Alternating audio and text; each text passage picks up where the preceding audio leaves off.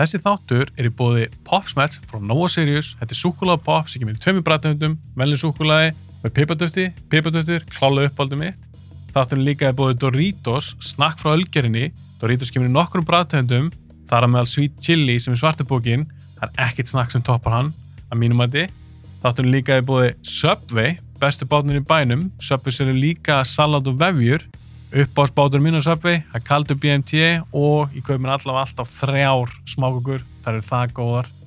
Og þáttunni líka í búið Sambjóana, Sambjóana reyka 5 kvikmyndahús á Íslandi eh, eitt á Akureyri, eitt í Keflavík, þrjú í bænum Álabakka, Kringlunni og Egilsöll Egilsöll, það er uppáðsbíó mitt ég fer oftast þanga, salur eitt það er ekkert sem toppar hann. Ég vil þakka þessu fyrirtökjum kella fyrir stöðningin ég vil líka þakka ykkur fyrir að hlusta og horfa á bíoblæður endilega fylgjið Bíoblæri á Instagram, TikTok og Facebook og ef þið viljið styrkja Bíoblæri, vestlið við þessi fyrirtæki sem stiða þáttinn.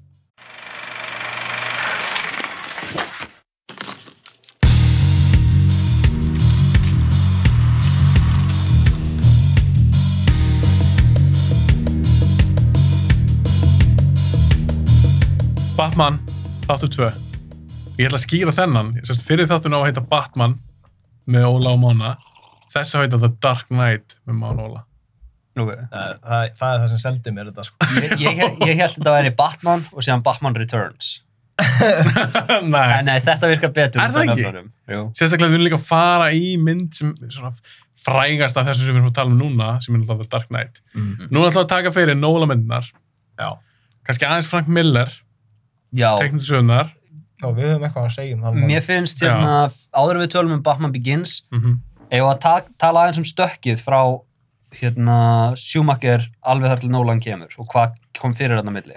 Algjörlega, hvað um það? Ok, það eru margar tilrunir til að reyna að koma einhverjum Batman myndum í framleyslu. Batman Triumphant töluðum við um seinast. Já. Það virkaði ekki. Mm -hmm. Þeir vildu fá Darren Aronofsky til að gera Batman mynd. Sem hefur verið mjög áhugavert. Þú ertu múin að lesa konceptið á bak það hana? Ætla hann ekki að gera bara eitthvað svona Year One dæmi? Með Big Al. Með Big Al. Hann ætla að Batman myndi vera fóröldrar að stegja, sem býr hann á götunni, hann er bara eitthvað svona junker klonker, býr til eitthvað svona bíl og hann er bara eitthvað svona crazed, þetta er svona hobo with a shotgun útgafa af Batman. Og ég veit ekki hvort ég fýla það samt. Alfred er Big Al sem var eitthvað svona mechanic, þetta er eitthvað, þetta er svolítið steikt og Frank Miller, Frank Miller var vist að skrifa handritið eða story, ég man ekki hvort það var. Ah. Ég er ánæður að svo mynd gerist ekki. Nei, já, ég, líka þegar þú segir, þegar þú segir, lýsir svo svona, það ljómar ekki vel.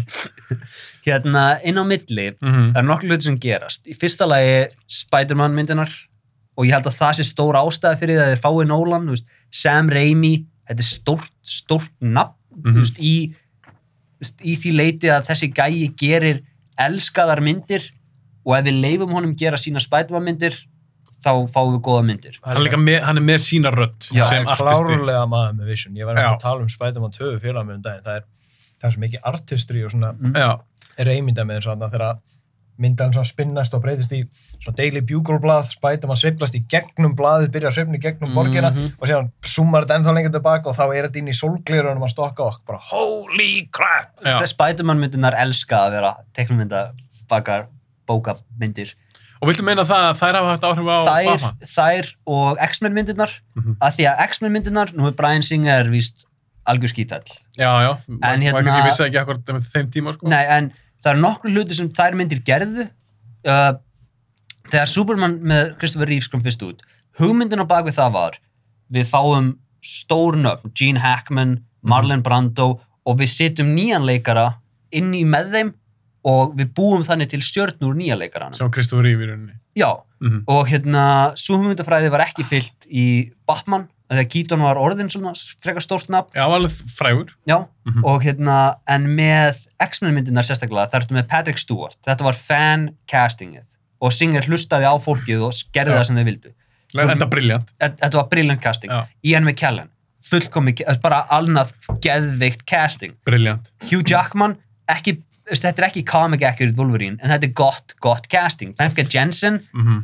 uh, James Marsden, þetta er bara þarna, X-Men myndinar komaði virkilega í gangað þú færð rétta liðið fyrst og síðan gerur þú góða mynd -hmm. sama með Raimi Spiderman myndirnar ég er ekki stærsti aðdándans Tobey Maguire Mhm. en hann, hann virkar í þessum myndum sem þessi karakter og Samanlega. Alfred Malin- Molina þú ert með James Franco virka kannski ekki jafn mikið en hérna Goblin Face hérna, Willem Dafoe. Willem Dafoe. Willem Dafoe er fullkomin í þessum myndum J.K. Simmons er besta comic book casting allra tíma alveg langt fram hjá öllum hann er John, J. Jonah Jameson Já, og það er á þessum tíma á milli þá er normalisað hugmyndin að þú býrð til stert lið fyrst og síðan gerur góða mynd Já. og líka Batman sem bíómynda brand það er dögt út af Batman Robin. út af Batman Þó and að Robin. ykkur finnst hún eindisleg. það er þú, þú, þú ert ekki að fara að ringja í Halló Steven Spielberg við skulum borga þér 20 miljonur til að gera Batman mynd, það, það er ekki hægt þú getur ekki fengið ég veit ekki hvort þú gæti fengið Burton aftur það er kannski en áhugin hjá fólki til að fá Batman er ekki svo sama og hann var Nei. þú sér það að þegar Batman Begins kemur út það er bara eina ára undan Superman Returns eða ekki Jú, um 2006. ég man eftir því að sjá endalust af auðlýsingum hjá Superman Returns. Batman Begins, hún var bara eitthvað tímann komin ólögulega í eitthvað DFD-disk sem pappi minn brendi fyrir mig. Ég man ekki eftir nei, neinu svona í kringum hana. Það var örugla en ég man eftir skotunni sem fór í auga á Superman mikið betur en ég man eftir auðlýsingum úr Batman. Já, algjörlega. þannig að, þannig að við það að Nolan er mættur þá er fyrsta lagi, þetta er svona gullið tækifæri þar sem að þetta er geðveikur karakter og geðveikt svona genre sem hann getur gert þarna með þessum karakter Mhm. það eru engin pródúserar að fara fokk í honum af því að þeir, það er engin þeirra sem að sem er hægt að hlusta á lengur af því að það er, það er búið að brenna alla brýrnar þarna. þeir eru allir búin að sína það að þeir veit ekki hvað eru að gera Mhm. svo eina leiðin til að fá þetta aftur í gang er að fá eitthvað svona visionary og gefa um stjórn á þessu Þeir eru líka bara að hugsa með sér, við höfum ekki að tapa. nákvæmlega og hérna það er hugmyndin komin að þú getur fengið stór nöfn í þetta þú getur fengið Michael Caine, þú getur fengið Christian Bale þú getur fengið Gary Oldman. þú getur fengið Gary Oldman, þú getur fengið Liam Neeson og hérna uh, En ólíkt Forever castinginu, Mm. þá fannst mér, að þetta var perfect casting. þetta er mikið perfect casting. sem Alfred og... Gary Oldman er líka on par við J.K. Simmons, sko. Gary Oldman er mjög góður Gordon Hann er Gordon. en hérna, annað sem gerist þarna Mm. uh, Christopher Nolan ég myndi segja að stærsti munurinn á Christopher Nolan þú veist, það er á þessum tímapunkti kannski kringum X-Men að því að Burton las hérna, Frank Miller en, Og Killing Joke. og Killing Joke Christopher Nolan veist, það, er, það er svona blaðsja sem snýst þar sem að í kringum 2000 það er að lesa hérna, leik, leikstjórarnir allar sögurnar þar sem að þú sérð Year One Batman í Batman Begins. Þú sérð The Mhm. Long Halloween og þú sérð Dark Victory. Þú sérð mikið, mikið, mikið meiri Batman sögur sem eru þjappaðar saman og það besta er tekið úr þeim og sett í myndirnar. Mhm. og þaðan fáum við síðan Batman Begins. Munurinn er að ég myndi segja stærsti munurinn þá Nolan og Burton. Með það að gera er Burton er stórt nafn sem fekk að gera Batman af því að hann var bara hann var rúlandi hæ Nolan, hann var ekki stórt nafn en hann var, hann var gott nafn Hann var gæðalegstur hann var gæðalegsari og Já. þú Burt, Bat, Burton Batman þú gast selt það sem Burton mynd Nolan Batman, þú getur ekki selt það sem Nolan mynd ekki, Nei, ekki ekki, þegar hún kemur til Ekki þeim tíma. Nei. Nei.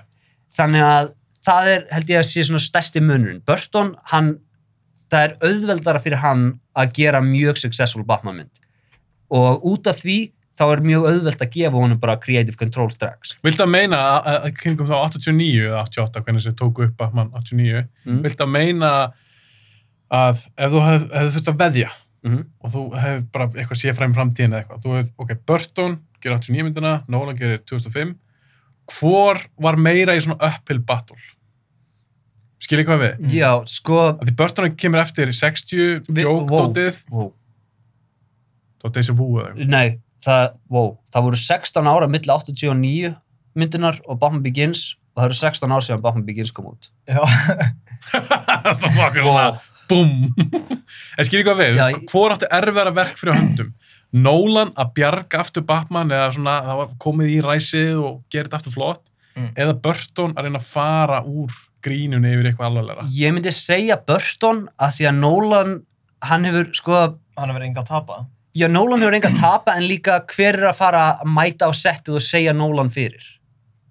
Veist, þetta er dögt, þetta er dögt batt sem að Nolan er að reyna að lífga við þarna Mhm. Burton aftur á móti, hann þarf að berjast gegn gömlu ímyndinni Adam West ímyndinni Já, Burton. já, Burton, sér ekki hérna, hann þarf að berjast örgla gegn einhverjum það er náttúrulega alltaf einhverjum framleiðendur sem vilja segja hitt, mm þetta sumir hafa gott innlegg, aðrir hafa slangt innlegg Mhm. ég myndi segja Burton hefur örgla þurft að berjast við fleiri þeirra og, Já, já, já. og hérna. Burton hann er líka með menn sem eru hann er eins og Jack Nicholson ég get ekki ímyndið mér að Jack Nicholson sé auðveldur leikari til að vinna með Nei. en Og það var náttúrulega ekkert svona, kannski svo talaðu template og svona, mm, það var ekkert mikið undan. Mm. 89 Batman. mm, þegar Nolan gerir, þá búið koma mitt X-Men og Spider-Man og svona myndir. það, já, það er komin svona pínu hugsunur, hugsun í þetta að við getum gert þessa myndir vel ef við Mhm. fáum rétta teimið Og almenningur á búin að sína þarna líka, hei, við erum til í að koma. mm. Við erum til í að mæti bíó og sjá þess kartara. ef, ef, þið, ef þið ger, það er já, það er líka mjög mikilvægt Mm -hmm. en að bíóáhörundur eru búinir að sína það fram að ef, þið, ef þessar myndir eru góðar og þetta, þetta, þetta er rétt gert þá mætum við, við erum Já. ekki að fara að mæta á spán ef þið gerir bara einhverja vittlis Já. við, við, höfum engar á, við höfum engan áhuga á Rusli. já, Nei. Það er hægt að gera þetta rétt og við viljum að þið gerir þetta rétt Mér finnst hún líka koma, mér finnst hún Hvað það er svona nær mækkum?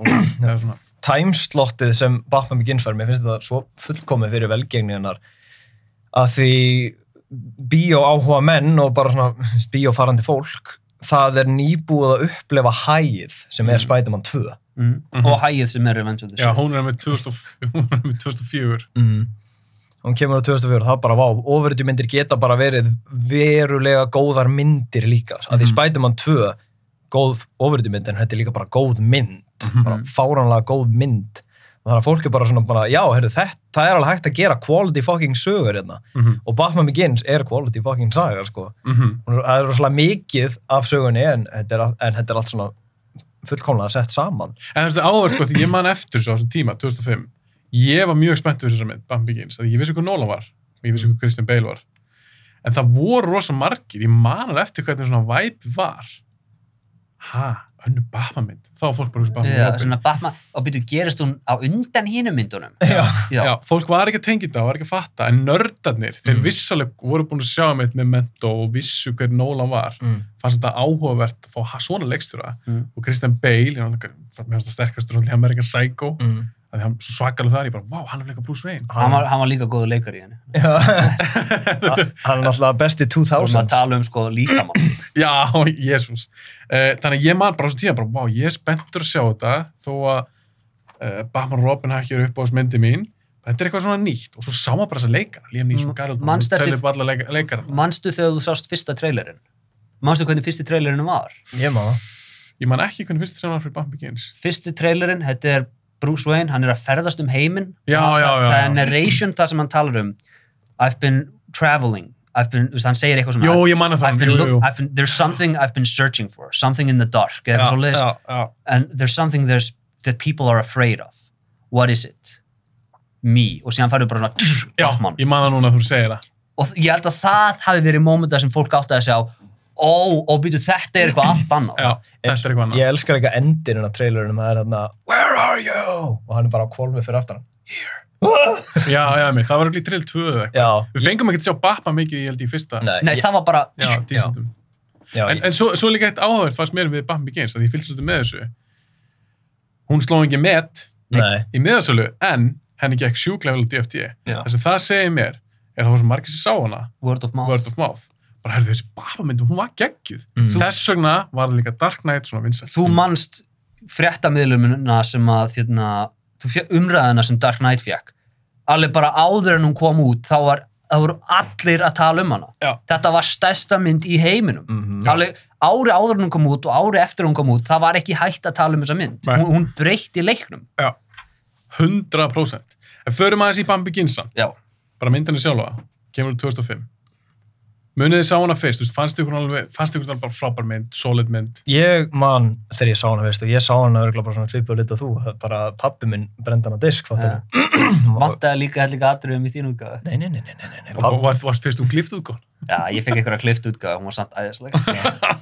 En hérna, ég, ég man eftir að hafa hort á hann, ég, var- ég líka man sko þegar hún var að koma út, ég sá svona klippur á hann á rúfi eða skjá einum eða eitthvað þegar það var verið að sína hann æfa sig í templi, tempóluna og mér fannst það svo töff. Mm. ég var loksins að sjá Batman sem svona, svona ninju. Og mér fannst það svo nett og svona, þeir voru með þarna ottana hans sem svona partur af ninja outfitinu. Já. og mér fannst það geggjað, mér fannst það svo cool og ég, ég, ég var svo spenntur fyrir þessa mynd og ég er, veist, ég er að vera nýja ára gamall fattar þegar hann kemur út en ég var samt bara Aah! og svo sé ég hana og svo náttúrulega tölvuleikurinn sem kom meðfylg, meðfylgjandi geggjaður tölvuleikur Vannmyndin leikur. Hann er ekki á góður arkamleikendur, en Nei. hann var, hann var solid. hann er svo, Hétt hann ekki bara Batman Begins? jú, og Christian Bale talar inn á leikinn og allir leikararnir Var það ekki bara eitthvað rusl? Nei, hann, hann, fínasta var, leikur hann var, eins og ég segi, ekki af góður og arkamleikendur, hann kannski er ekki hún eldast vel. hann leggur grunninn fyrir Hann var mjög, mjög solid leikur. Ah, ok. Að því ofta svona movie tie-ins verða eitthvað drast. Já, en hann var shockingly solid, sko, líka þeir fengu talentið, þú veist, þeir fengu Christian Bale og Michael Caine og það sem mér finnst magnað og ég mun, ég mun langa meira að vitna í þetta varandi Dark Knight en ég tala samt um þetta hérna í Batman Begins. Mhm.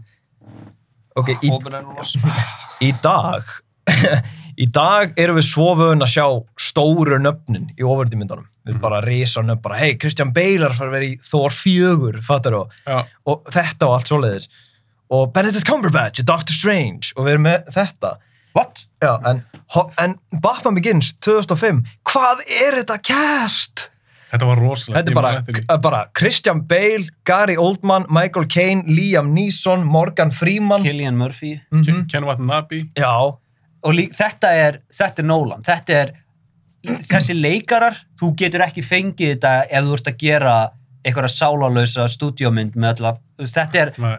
Christian Bale mætir ekki að því hann vil leika Batman, Christian Bale mætir að því hann vil vinna með Nolan, Mhm. saman með alla hina. Mhm. Eitt aukalega samt í kringum auglýsingunum og svona, í kringum Batman Begins sérstaklega, Mm. tekin upp á Íslandi. já, Það var alveg pínu svona auka Algjörlega. Og þær senur, það var eitthvað af þeim með í þessum trailer sem þú varst að lýsa. Yes. Ég bara leiðast að lýsa og bara, já, alveg. Það var góðu teaser trailer. líka stöndi sem við gerðum maður, my god en það runnu af hana, bjerginu hana, Já. Þetta var bara gert í alvörunum maður, holy fuck Já, já, einmitt. Er þetta þegar það springur drastlega? Já, þegar það er renna þarna og fara að grípa Nýson og krækja sig í Já. bjergið, sko. Þetta er, þetta er hörku stönd. En ok, þegar þú sást hana, Já. hvernig fannst hún? Ég elska hana. Það var bara, ég gat ekki hægt að horfa á hana. Ég bara, ég held að, sko, spólan, á, eða spólan, diskurinn, það er bara magnaðan að kviknaði ekki í honum, sko. á hversu mikið ég horfði á hana. Ég elskaði Christian Bale sem Batman og, Er hann góðu Bruce Wayne og Batman? já, Já. Hann er líka, hann er, með, hann er með bestu Batman röddina þarna og Hvernig finnst ykkur?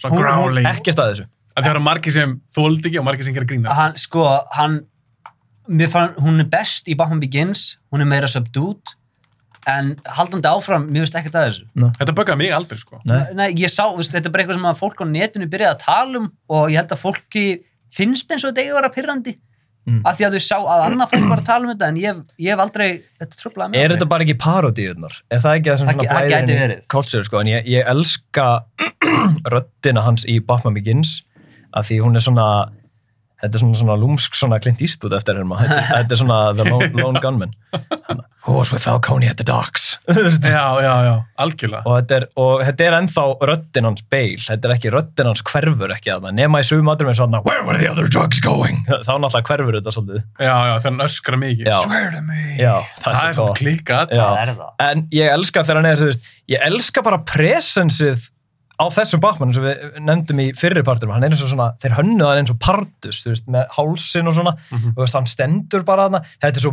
þetta er svo mikil fígúra, Mm. þú veist, eins og ég elska líka skotið þegar Rachel sér hann og skýtur svona teysir í áttur hann og hann er bara hann og, það er ekkert ja, og skikkjan er svona flöktrand og hann er bara, Geggjað. þetta er svo, aah, En já, hérna gríman var hönnuð sérstaklega með svona auka hérna, nei, traps vöðum hérna til þess að hann lítur út eins og svona stór villiköttur sem Já. er bara stökku á þig. Ja, Úr kommentaríunu, það er þetta Já. sagt. Já. Til þess að búa til eitthvað svona imposing, Já. svona. Já. hann er bara vill, hann er bara dýr, það er, En mér finnst búningum bara svo svalur í Bambi. já, Við Óli töluðum um þetta, en Óli benti mér á þetta. Í Batman, í Dark Knight Rises, já, ég skemmti þá mynd fyrir já, stórlega, hérna, það er, þegar Batman kemur aftur, hann hefði átt að snúa aftur í Batman Begins búningnum, frekar en Dark Knight búningnum, Fokk að það hefur verið cool. og, og, og, býtu sábúningur er nýfaheldur Talia al Ghul hefði ekki getað stungið hann í endanum This sucker will stop a knife. Ég var að horfa okkur til skiptis. Ég var að, djöðlega, það, það væri brillja. Ég kom með þetta, við horfðum á þríleikin sko og þetta var svona, þegar að við vorum að tala um hvað við elskuðum Batman Begins búningar og síðan þegar við vorum á þriðmyndinni svona, hefði ekki, að því Bane náttúrulega brýtur grímun og brýtur Batman í þessum búning og, mm. Og það er alveg stór galli í þessum galla og þetta er allt svona hann, hann er léttar og gerir allt svona en hann er náttúrulega, þú veist, hann er sterk það er eins og hann sé sterkari í Batman Begins búninginu þannig Já. ég er svona kom, ég alveg, veistu hvað hefur verið cool ef hann hefði komið aftur til Gotham í Batman Begins búninginum og, og Máni kom nú er þessi mynd ónýtt fyrir mér Það hefur. En, Já. það- en, en það sem ég veist áhugavert við þessa Batman búninga, mm. það er alltaf að há- hál... Ég held að þeir sem er hlusta fatti alveg hvað ég er að tala um. Mm. Búningu, eða þess að hjálmurinn eða hausinn eða hvað það kallar það, eða gríman, þetta er alltaf fast við axlunarunni. Mm. Þú getur ekki snúið hausnum Mm. á þess að snúa öxlunum líka. Mm. Mér fannst svo töff að þeir leistu það í, Dark Knight. Mm. Mér finnst að það verið miklu eðlilegra performance. En þeir leistu það líka in canon já, Já, já, já, hann segir, ég vil geta snúið hálsunum, segir það í já, myndinni. alveg, you wanna be, ef viltu geta snú hálsum, það gera auðvitað fyrir maður að bakka bílnum, eða ekki? Já, en þegar maður horfir á gömlu myndinar, já, eða bara Batman Begins, já, þá er þetta alltaf, já. þú veist, þú og að snúa það- öllum líkamann. Þa, það er alveg pínu sjarm í því að því að þegar þú tekur það rétt upp þá er þetta, þetta er svo stór hreyfing Mm. það gerir þetta svo svona ja, það gerir þetta svona íktara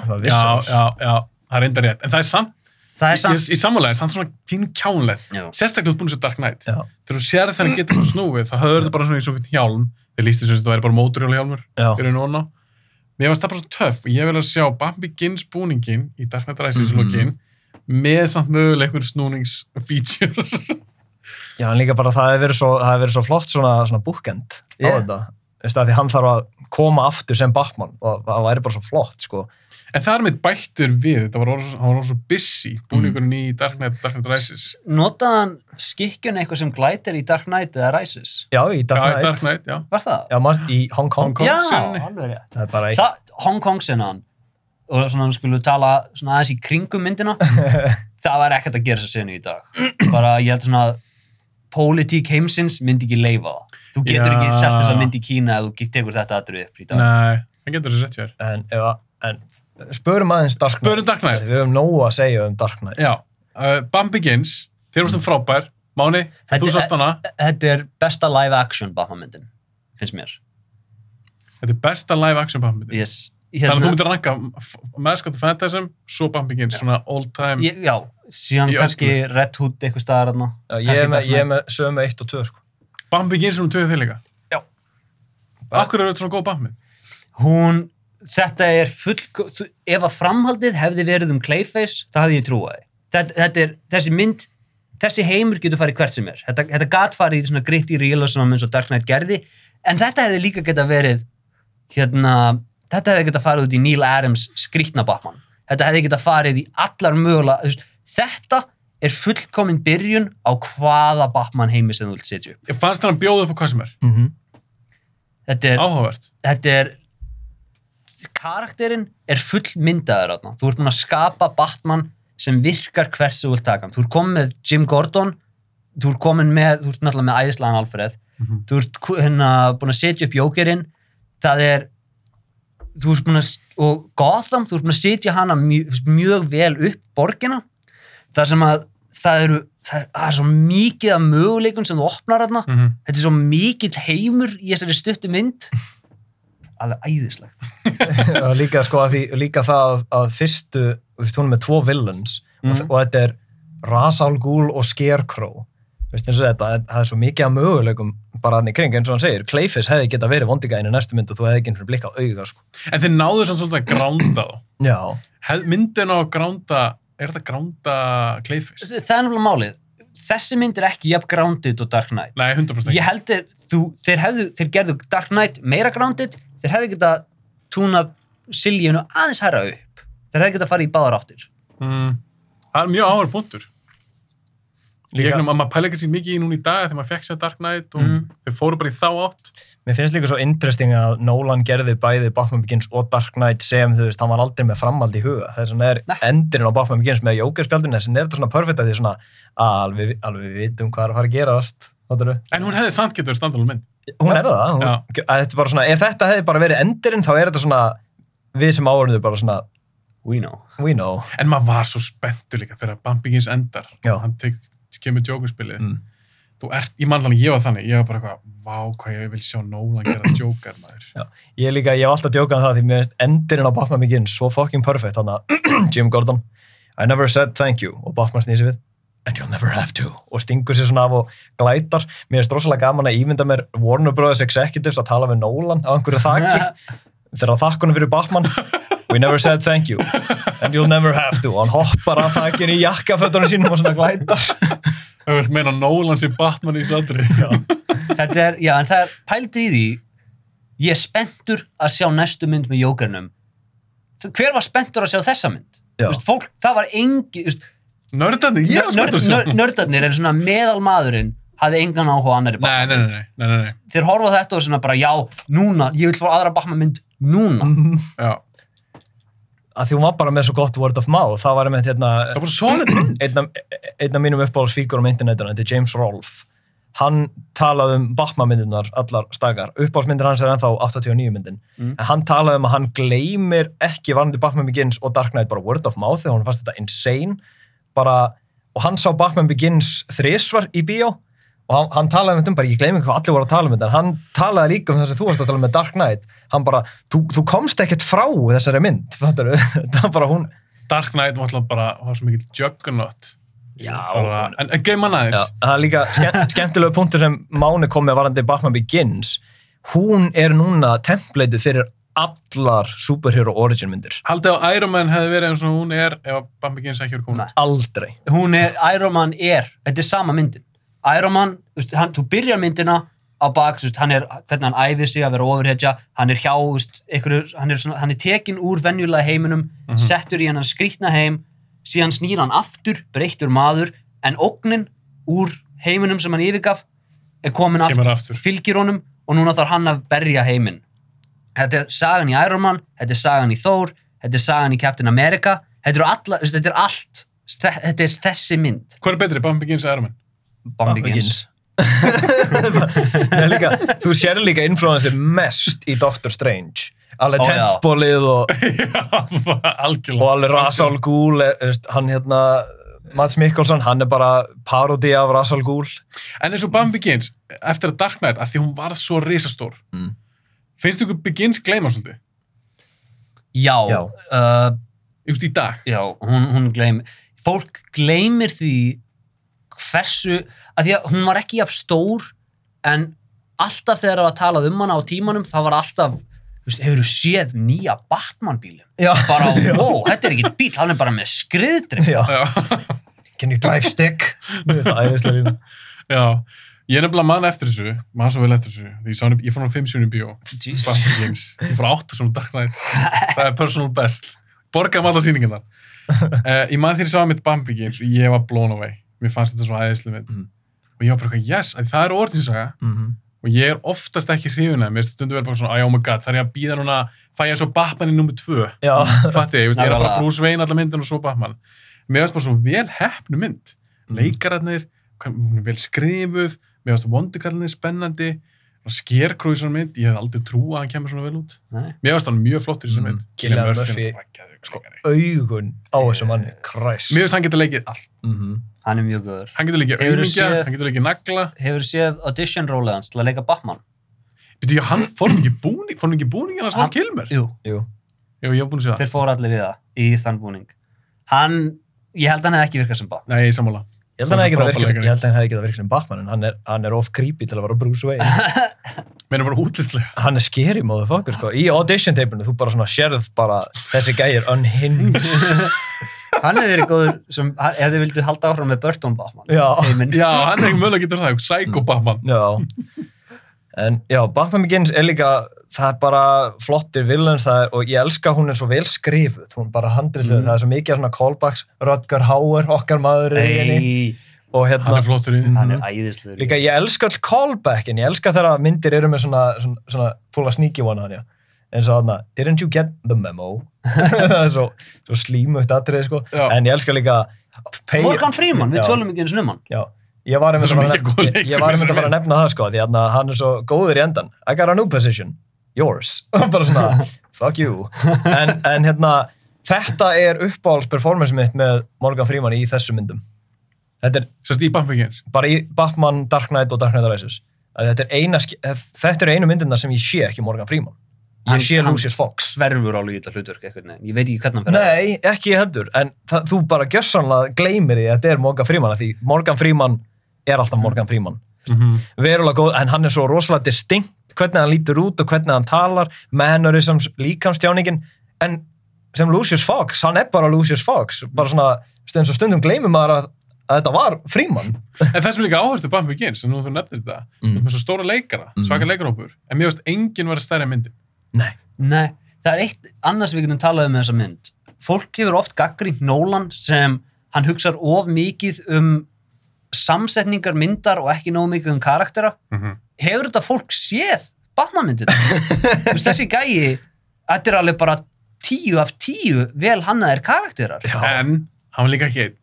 hann, hann var ekki einn en þessi hugmynda hann, hann skilur ekki hvernig á að gera áhugaverða karaktera varstu búin að hérna, heyra söguna bak við hvernig hann skapaði þennan Batman Nei, held ekki. hugmyndin var byggt á Teddy Roosevelt fórseta bandaríkjunar hann hérna, Byggðan Bruce Wayne á hún. já, að því að hugmyndin var þú ert með mann sem að missir allt og þarf að Mhm. búa til nýja útgáfa sjálfum sér sem getur höndlað heiminn Mm -hmm. Teddy Roosevelt, þegar hann fættist var hann fár veikur alltaf, hann var veist, með asma og hann var veist, alltaf veikur hann gæti aldrei gert neitt Já. ég held að hann misti pappa sinna ungur og við misti mömmu sinna ungur misti konuna sína, misti són sinn Var hann ekki hjólastólaði? Nei, það, það, var, það var Franklin Roosevelt Franklin Franklin hans Já. en hérna Teddy Roosevelt einn daginn þá fer hann veikur maður bara út í, út í hérna, hérna út í eitthvað eðimörk út í eitthvað skóðna Mm.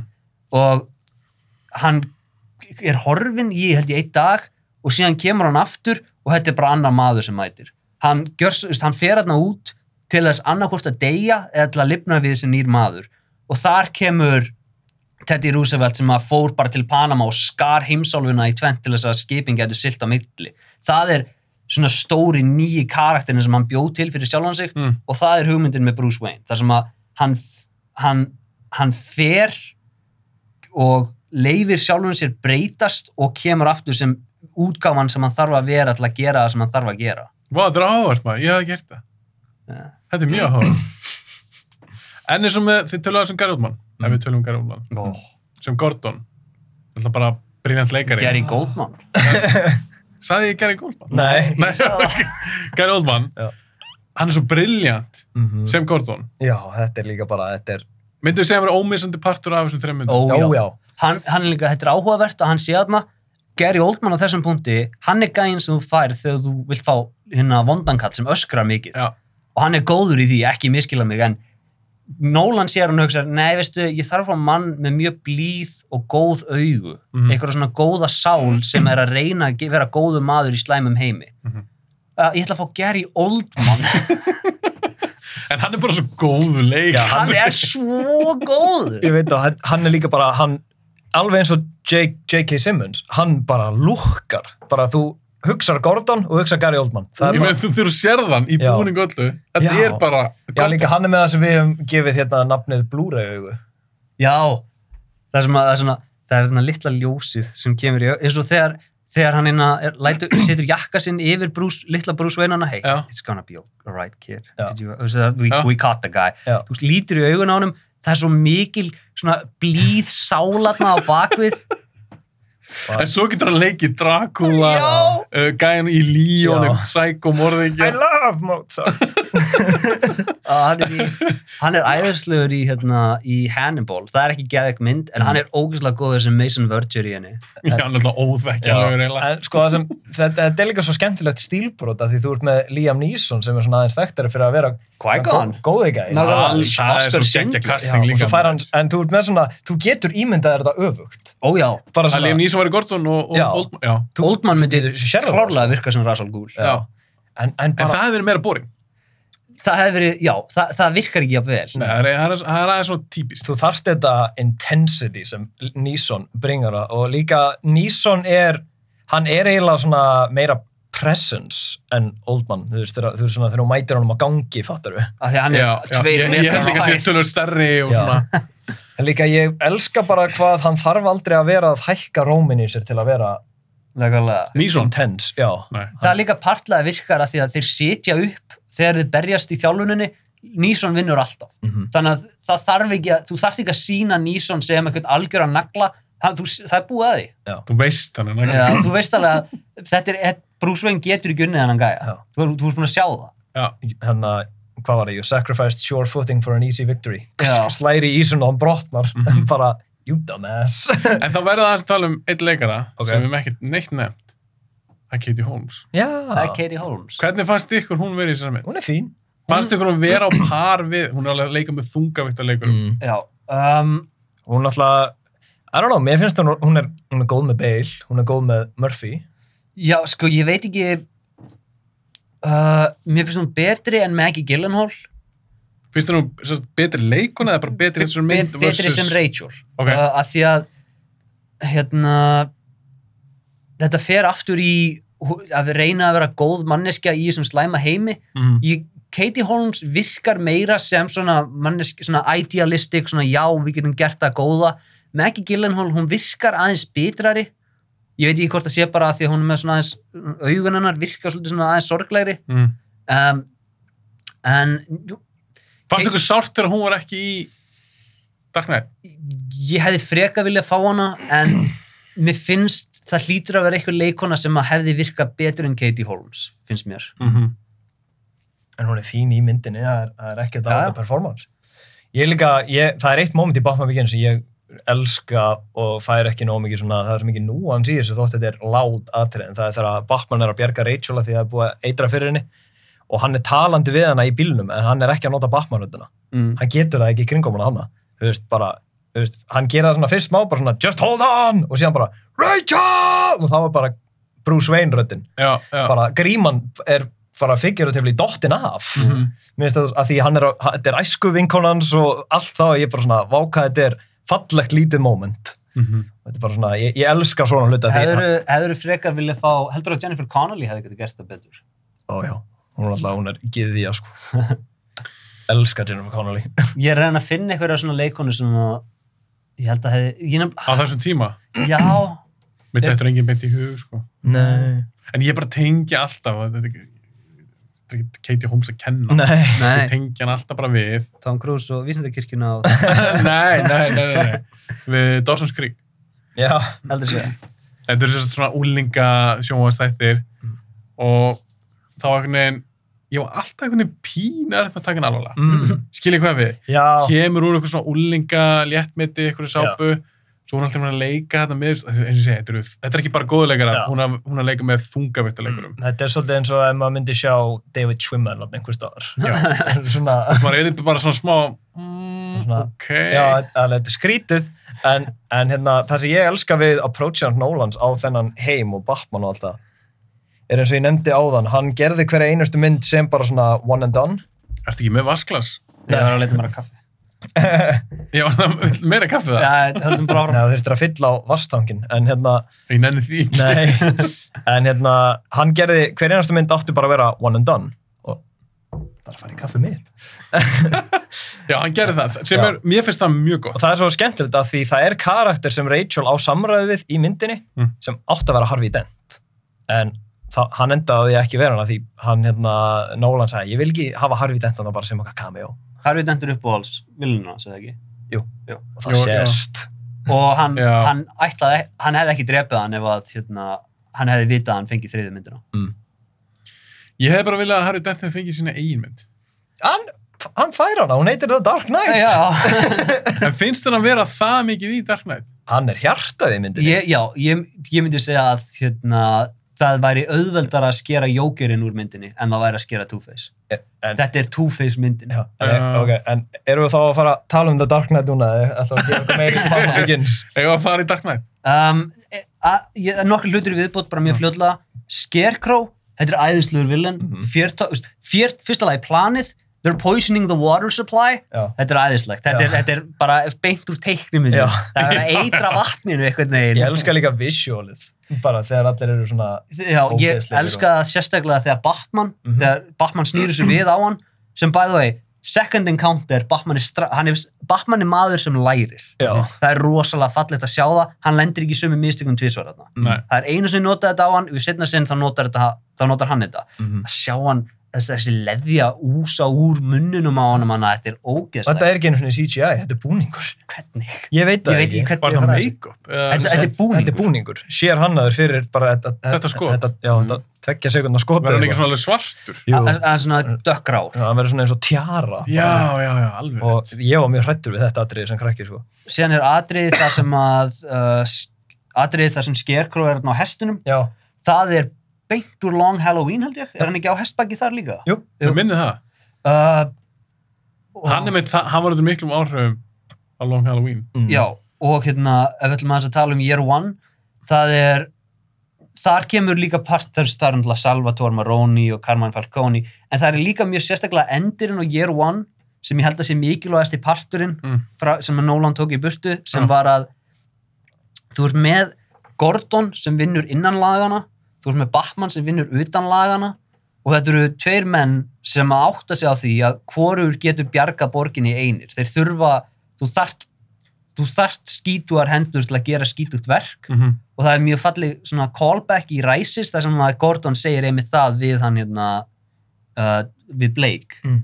að hérna ég var mjög heppin að hafa hérna mann sem var tilbúin að gera skítugu hlutina fyrir mig Mm. Þetta er hérna, þetta er mjög svona Hann cool, segir það í Rises. Já. já, hérna, I hope you'll have a friend like I did Já. en þetta, er mjög svona kúreka hugmynd þar sem að þú ert með fólkið býr sér til lítið samfélag Mm -hmm.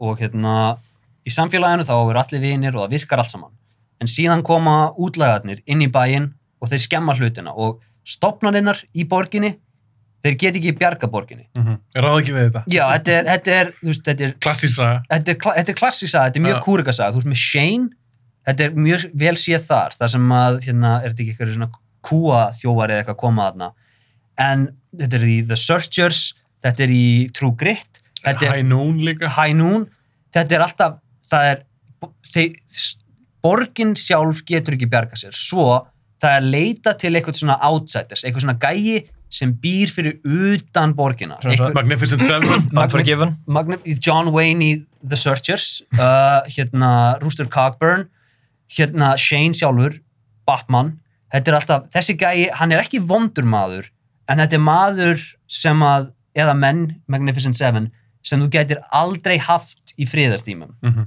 og þú kallar á þá þegar allt annað er búið að klikka og þeir koma og þeir bjarga til málunum en um leiðu þeir eru búnir að því þá allt í hennu byrja fólki í borgun að spyrja sig af hverju þurfum við að hafa þennan mann hérna? Af því að drekarnir voru- drekarnir eru dánir. Þeir eru búnir að drepa drekana og fyrst þú sérði ekki lengur drekana þá áttar þið ekki lengur á því af hverju þessi maður er hérna.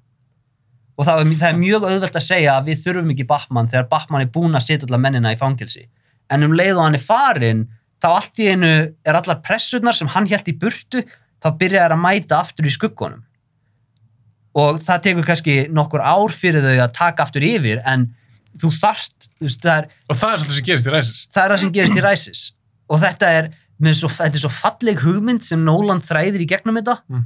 Já, veist, og hann, allar myndirnar voru hannaðar sem stand-alones hann vissi aldrei að hann var að fara að fá hérna framhaldin en hann náði einhvern veginn að segja þessa sögur rosalega fallega og mér finnst það að vera alveg magnað. Þetta, var- já, geðveik útskýring hjá þér á þessu. Bambi Gaines, ef að fara við í Dark Knight, eða? Já, þú veist, er er eitthvað meira sem við getum sagt eftir þetta? Nei, Er- er- nei, líka nei. bara, Ef getur bara að enda þátt.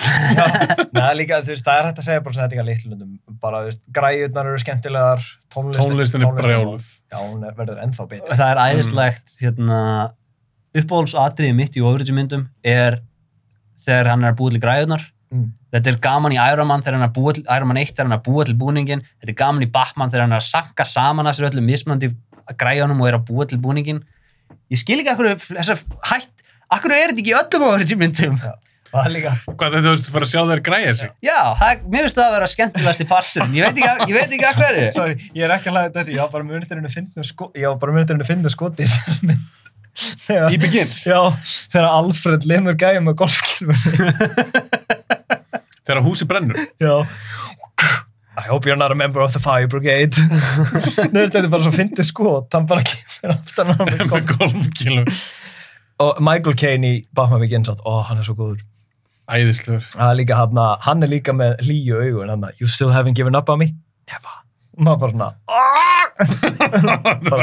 hjartastrenginir sko. Bara okkur þetta ekki afi minn. Já, ég er endar, ég er með svolítið interesting áður fyrir mig í Dark Knight. Ég Er hann afið þinn? Er það áhugaverið hlutur sem allar að segja okkur? Já, Michael, Michael Caine er ég- þú hefur hann aldrei hitt hann. En, en Ok, hvað er þessu? ég horfa á þessa myndir í, ekki í chronological order þegar ég tek þrýleikin. Nú, Ég horfa á Dark Knight, Dark Knight Rises og enda á Begins. af hverju gera það? Að því endurinn er svo perfect að Batman Begins, þá svona lúpar þetta. Svona on itself, þá ertu búin að sjá hrun Batmans og endur komans, síðan fær maður aftur í byrjununa og síðan fær maður að sjá Jókerspjald og svona, þetta er svo flottur endur, maður samt svona, að þetta er að fara að vera svo mikil súpa fyrir hana mannmaður. En þú endar Begins? Já. Mér mér finnst það, mér finnst það ideal leiðin til að horfa þessa myndir. Því þú ert búin að fá svona mikið svona the myth af Batman, hver hann er og svona í gegnum Dark Knight og Dark Knight Rises, en síðan er svo gaman að fara aftur og horfa svona, svona grunninn af þessum karakter sérstaklega og svona, og hún verður svona, það verður þetta svona skítur, fattur við, Mm. bara Gotham er allt í orðin ógeðsleg og búningurinn er orðin, veist, hann er bara villidýr og fear toxin og svona, svona comic book plottið með vatnið. Ég elska að enda á Batman Begins og líka, mér finnst þú bara að hafa flottast endurinn. Sáuð Já. þið, Ekki alveg. sáuð þið, það sáuð þið eitthvað tíman Gotham Knight teiknumyndina? Já. Ok, það er, Nei, ekki. ok, við þurfum ekki að tala um hana. Hún er non-canon. Ah, Þetta er animated mynd, svona sex stuttmyndir. Já, það var svona companion piece. Já, þær voru settar í þessum heimi og þær eru margar mjög góðar, ég mæli sterklega með þessari mynd. Þetta eru allir sögurnar eru í mismundi teknistíl. Já, alveg. Það var ekki eitthvað svona anime-dót og eitthvað líka. Jú, Jú. jú. Hérna, við þurfum ekki að tala um þetta að því að þetta, Nolan held ég hafi ekki haft neitt með þetta að gera, Ah. en þetta er rosalega gott. Sérstaklega hérna Killer Croc Scarecrow sagan. Mm. Ég, þarf, ég held, ég hef aldrei séð þetta. Ég þarf að tjekka þessu. Þetta er mjög gott. En, Ok. Bara, já, með, með Batman Begins, ég, ég elska að enda á henni bara út af hvernig hún endar hann. Ég elska að enda söguna á þessum karakter með I never said thank you and you'll never have to, að því við erum búin að sjá allt sem hann gerir setna mér fyrir borgina. Það er góð punktur. Ég mæli með að horfa á, ef þú tekur þrýlíkin einhvern tíma á næstinu, prófaði þessa röð og segðu mig hvað þið finnst. Það er bara, Já, ég bara hættur eitthvað svo erfitt með að fara í tvö, þrjú og svo eitt. já, en, en þær eru svo stand-alone. Já, ég veit það, ég veit það. Bara eitthvað OCD í mér, bara ekki verða að fara í eitt, tvö og svo þrjú. Mm. Förum við Dark Knight. Ok, núna eru við komnir í the good stuff. Ég myndi þetta er alltaf bara risa mynd, Mhm. einn stærsta mynd, sko, mánum með bók. Ég, ég er að glósa aðeins niður, haldið áfram að spjalla. Er það Batman tengt það? Já, þetta er fyrir þetta, ég ætla bara að muni þetta eftir. Já, ok, ok. Þetta er fyrsti maður sem hefur glósað í podcastinu, ég fíla það. ok, með Dark Knight, risamynd, kemur kemur út þreymur ára setna og með okkur Batman Begins endaði, alltaf vildu fleiri fá meira, Mhm. ég vil fá aðra Nóla mynd og Nóla bara, já, kýlum á þetta, kemur þá með Joker Mhm. og það var alveg, það var press á kallinum, Mm. Jack Nicholson í huga margara var búin að eigna sér þetta hlutverk Joker, ég, meni, ég ólst upp við hann. Þegar ég heyri fyrst að Heath Ledger ætti að leika Joker ég var bara eitthvað, hvaða 10 things I hate about you gaurin? Mér fannst það mér það hræðilegt Þetta er þvæla á blaði, sko. ég bara, ég hugsaði með mig, hvað, ég, ég er ekki að tjóka ég man eftir þessu, bara hvað er Nolan að spá? Svo fekk maður þess að mynda á honum. Ég bara svona, ok, með örið. Síða hárið. Chelsea smile hann að hvað sem Glasgow. kallast. Já. og svo svo maður trailerinn Mm. heyrði röddina svo svona og ég var bara, ok svo fór maður að heyra mitt, Gary Oldman að tala um að Heath Ledger er að gera eitthvað fárálega cool með Joker og var hann spenntur svo sé hann alltaf Dark Knight og bara blown away líka því að þegar þú sást trailerina Mhm. þú sást ekki alltaf söguna Nei. Nóla mega það, í flestum myndum sem hann gerir trailarnir, þú færði ekkit beat for beat alla söguna eins og oft gerist í trailerum Mm. Sá Dark Knight, ég fekk nett taugafall, ég talaði um þetta í podcastinu eh, ekki taugafall, þetta var svo spennufall Mm. ég var búin svo spenntu fyrir henni ég kom bara til bíónu, bara sétt þessi mynd var miklu betur en ég held, bara, það var bara gæðveikt þannig að spyrja ykkur, byrjum með þróli Mm. hvernig var þín upplöfun að sjá Dark Knight í fyrst skipti Ég náði því miður ekki að sjá hann í bíó. Það þú sást hann ekki í bíó Nei, að því bíóið var ekki komið aftur til eiga og ég var náttúrulega ekkert eitthvað, ég var ekkert að ná að flakka upp á landin sem ég gerði. Mamma mín fór á hann í bíó, mm. sopnaði yfir henni. Guðlast Ég, ég er ekki að tjóka, mamma sopnar yfir öllum myndum. já, Það ok, þannig það er ekkert að marka það Nei, bara, hún, ge- hún, bara, hún kveikir á myndum til að sopna, Fekk sko. pappið henni ekki lúnabólgu eða eitthvað að horfa á Man of Steel? Og ég segja þá sögur bara, fyrst að, fyrst að það er búið að minnast á þetta. Já. Ekki lúnabólgan, þetta er uppáhalds movie going saga mín ever. Þa, það var engin, pappi minn er ekki filmbuff. Ah. Hann, hann er ekki að deyja yfir myndum. Uppáhaldsmyndina sér hítsamt. Góð smekk allavega já, hann veit alveg, og hann elskar Starship Troopers og svona, hann sér náttúrulega Starship Troopers ekki sem satíra, hann sér þetta bara sem svona graut bara, hann elskar hana samt. er hann Paul Verhoeven maður eða- Nei, alls ekki, hann, Er hann, er hann, hann, ski, hann, hann pælir ekki satirinn, hann bara svona, þetta er bara gæðar að skjóta í þessar pöttur, sér Er þetta skemmtilegt. er hann fasisti?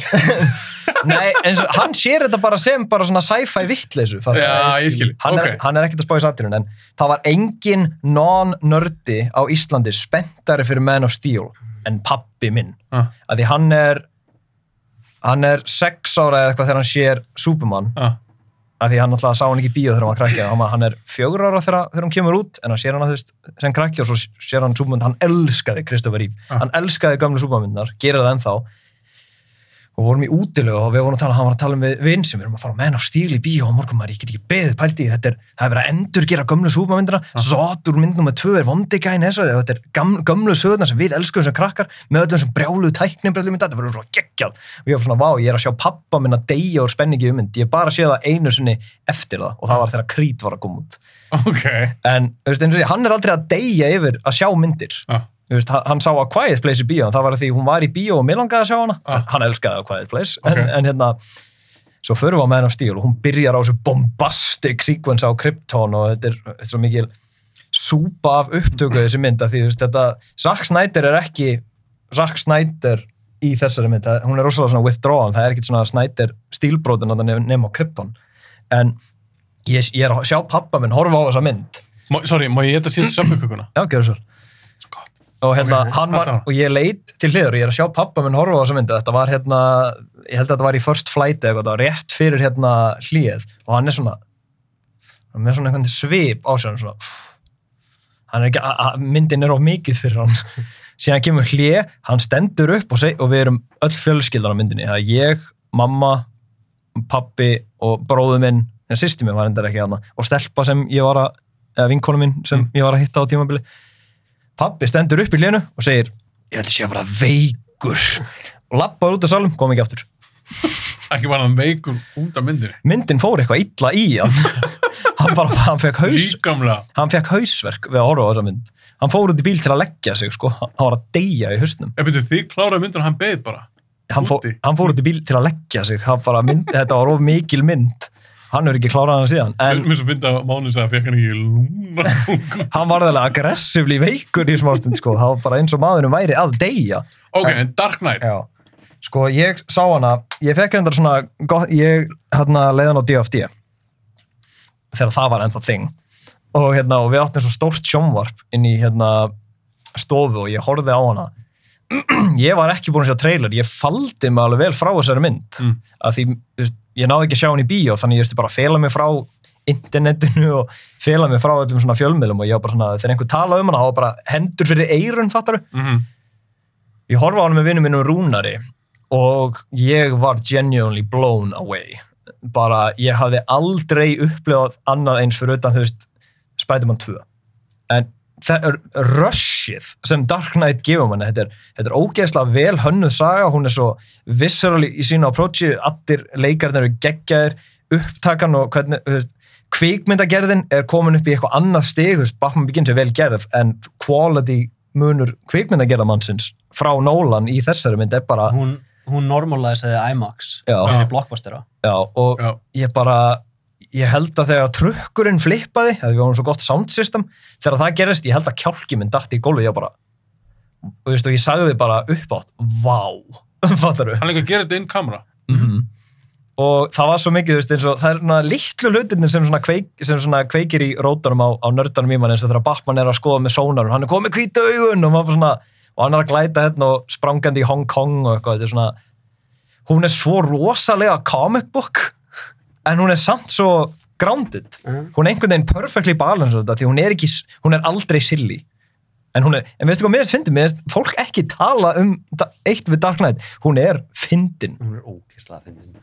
alveg bara dialog, dialogin í þessari mynd er, sn er snild.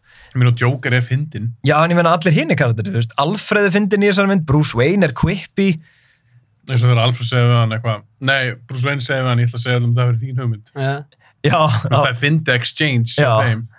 já, Þú veist, Maður, maður pælir, ó já, því að þetta eru tveir gæjar sem að eru í kringu hvort annana því þeir líka við hvort annana. já, Mhm, mhm. já þú lætir auðvitað handtaka mig með þér með mér, ég ætla að segja um öllum að þetta var þín hugmynd Mhm. Þú veist, þetta er fyndið. já, og bara, þeir eru allir það er hellinga svona quippy dialogs í þessari mynd og þú veist, Allir, öll domstólaadriðin. oh my god, það er svo Mhm. gott það var hann upp, uppáhald okkar þessi svona, þessar litlu senur, svona litlu senur þjóðir eins og þegar Harfi dentur á domstól eða þegar hann er hann að tala við gæjan og hann er að segja hérna ég er með statement frá þér að þessi maður Salvatore Maroni er nýji er nýji höfuðpörun í Falcone krænfjölskyldinu og gæjin kemur bara Maroni, he's a fall guy. I'm the brains of the organization. Og allir í salum fara að ég elska fyrir þetta, er- þetta er svona hvað er þessi karakter?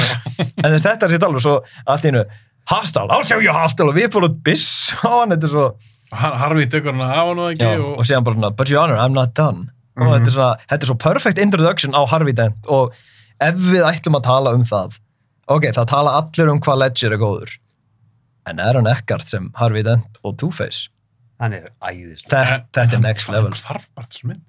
ha, Hvarf hann ekki bara eftir þessum mynd. jú, en Ég er ekki að á hans er svo sorglega því hann er frábærið þessum hann er rosalega, hann er alveg bara hann er alveg bara með, hann er nánast með besta performance þarna Já. En er bara Ledger. mm. Þetta er svo, Þetta er svo, þetta er, þetta er svona once in a generation já, performance. framist það og það skikja alltaf bara allt. já, líka bara, þú veist Christ, sárt að missa hann já, bara- ég meina, hann fekk ekki svona sjá hvað fólki fannst. Þetta er, þetta er, þetta er alveg bara, ef hann hefði lifað, þetta væri besti leikari í okkar tíma. Mhm. Já, Bara allan daginn klárlega.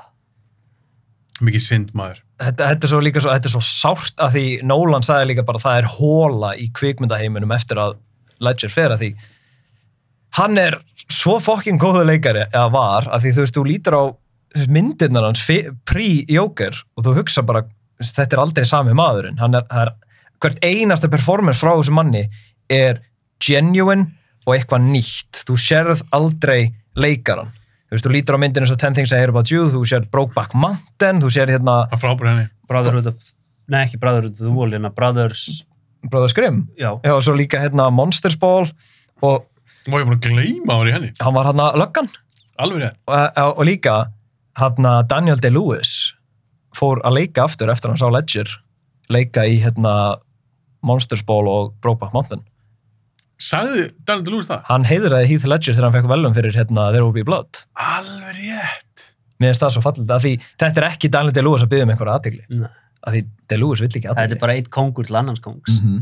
Já, og þetta performance er líka sko að þú horfir á við Tölvi Ledger, hann er svo, hann er svo mikill og hann er svo, þú veist, hann er svo dimrataður hann er með ástralska hreimin og síðan horfir á hann í sem jókarinn og hugsa bara fuck off, þetta, þetta, er, þetta er eitthvað annað fyrirbæri sko. ég man aldrei eftir að hafa séð mann hverfa svona inn í karakter. nei, þetta er alveg spooky sko. þetta er alveg bara eitt besta performance einhver tíman sett í bíómynd Mér fannst, bara, mér fannst ég aldrei að horfa Ledger. Ég var bara að horfa á Joker. Já, Ledger er ekki þarna Það, er ótrúlegt. Mhm. Þó að sé náttúrulega með make-up og svona, ég bara í augunum aðeins og allt, ég bara sé ekki Ledger. það er ekki hint af manninum Nei. þetta er, er stutt sinni að horfa Brokeback Mountain já, Þetta er bara hvað, það- þetta er ekkert sami maður. nei Þetta er ekki sami maður sem leikur í Brokeback og svo í, í, í Dark Knight. þetta er, þetta er eins og Máni sagði, þetta er once in a generation sko. þetta er bara performance sem við munum aldrei sjá aftur og þetta verður aldrei toppað ég held bara, Meinar bara sem uh, leik framist eða sem eitthvað sem er leika Joker eða? bara það, er- ég get ekki sagt að ég séð betri framistöðu hjá leikara síðan þetta en það, það, er, það er náttúrulega til margaðar stöðlaðar performances en ef við erum að tala um live action Joker, þetta verður aldrei toppað Nei, aldrei það verður erfitt. En það er svo fyndið, hann er svo, mér finnst, mér finnst hann svo sárt þegar fólk tala um það Dark Knight og segir bara að hún er bara góð út af jókanum. Það ég er Mér- alls ekki því. En það, það eru mjög margir sem segja þetta. Bara internetið er bara búið að sannfara sig sjálft um að það er málið. Já, þetta er sagan fólk sem sagði að Dark Knight hefði bara verið svona vinsal af því að Ledger dó, Mm. Sem bara algjörð kæftæði. Mhm. Mm. Af því að Heath Ledger er ekki í Dark Knight Rises og Rises var vinsallega en Dark Knight.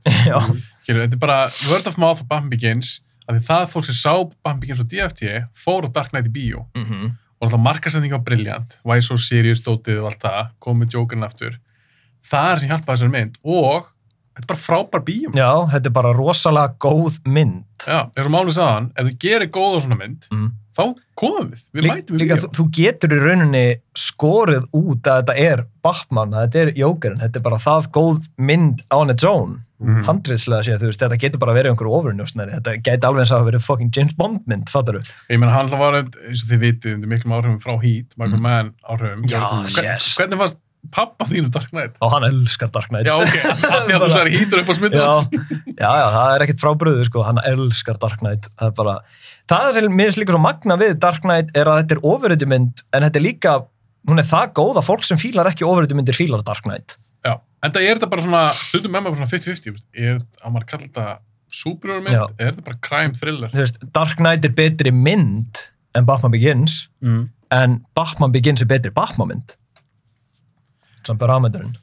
Og er það, finnst þér það því að þeir fókusa meira á Batman í Batman Begins, eða finnst þér að vera meira comic book Ja, bara svona meira kjarnin á karakternum og bara svona aesthetically og þú veist, þetta fer bara meira í svona, já, það er svona meira Batman vibe í henni.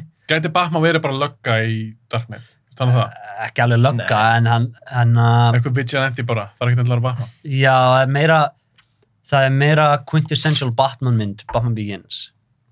Þú, Mhm. þú, ef þú horfir á Dark Knight, ef þú hefur aldrei séð Batman eða neitt tengt honum áður, Batman Begins gefur þér mikið betri ímynd um hvað Batman er en Dark Knight gerir.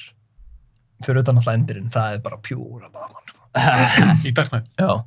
En Aaron Eckhart, þú varst að tala um hann, Mm sem Two-Face. hann fekk hlutverki náttúrulega úr Thank you for smoking. Thank you for smoking, þar sem hann, hann lítur út eins og síkaretta í þeirri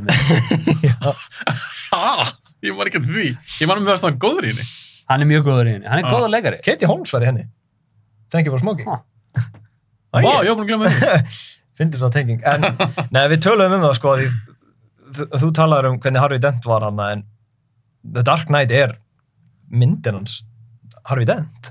Eina sem er, eins og ég sagði það, Ledger er svo svakalega stór, hann er svo stór og hann er svo, hann er svo skert ljós Mm. í þessari mynd. Og ég meina, hva, hversu lengi er hann Two-Face? Mm. Hálftíma. Ef það. Já. Eitthvað svo leiðis.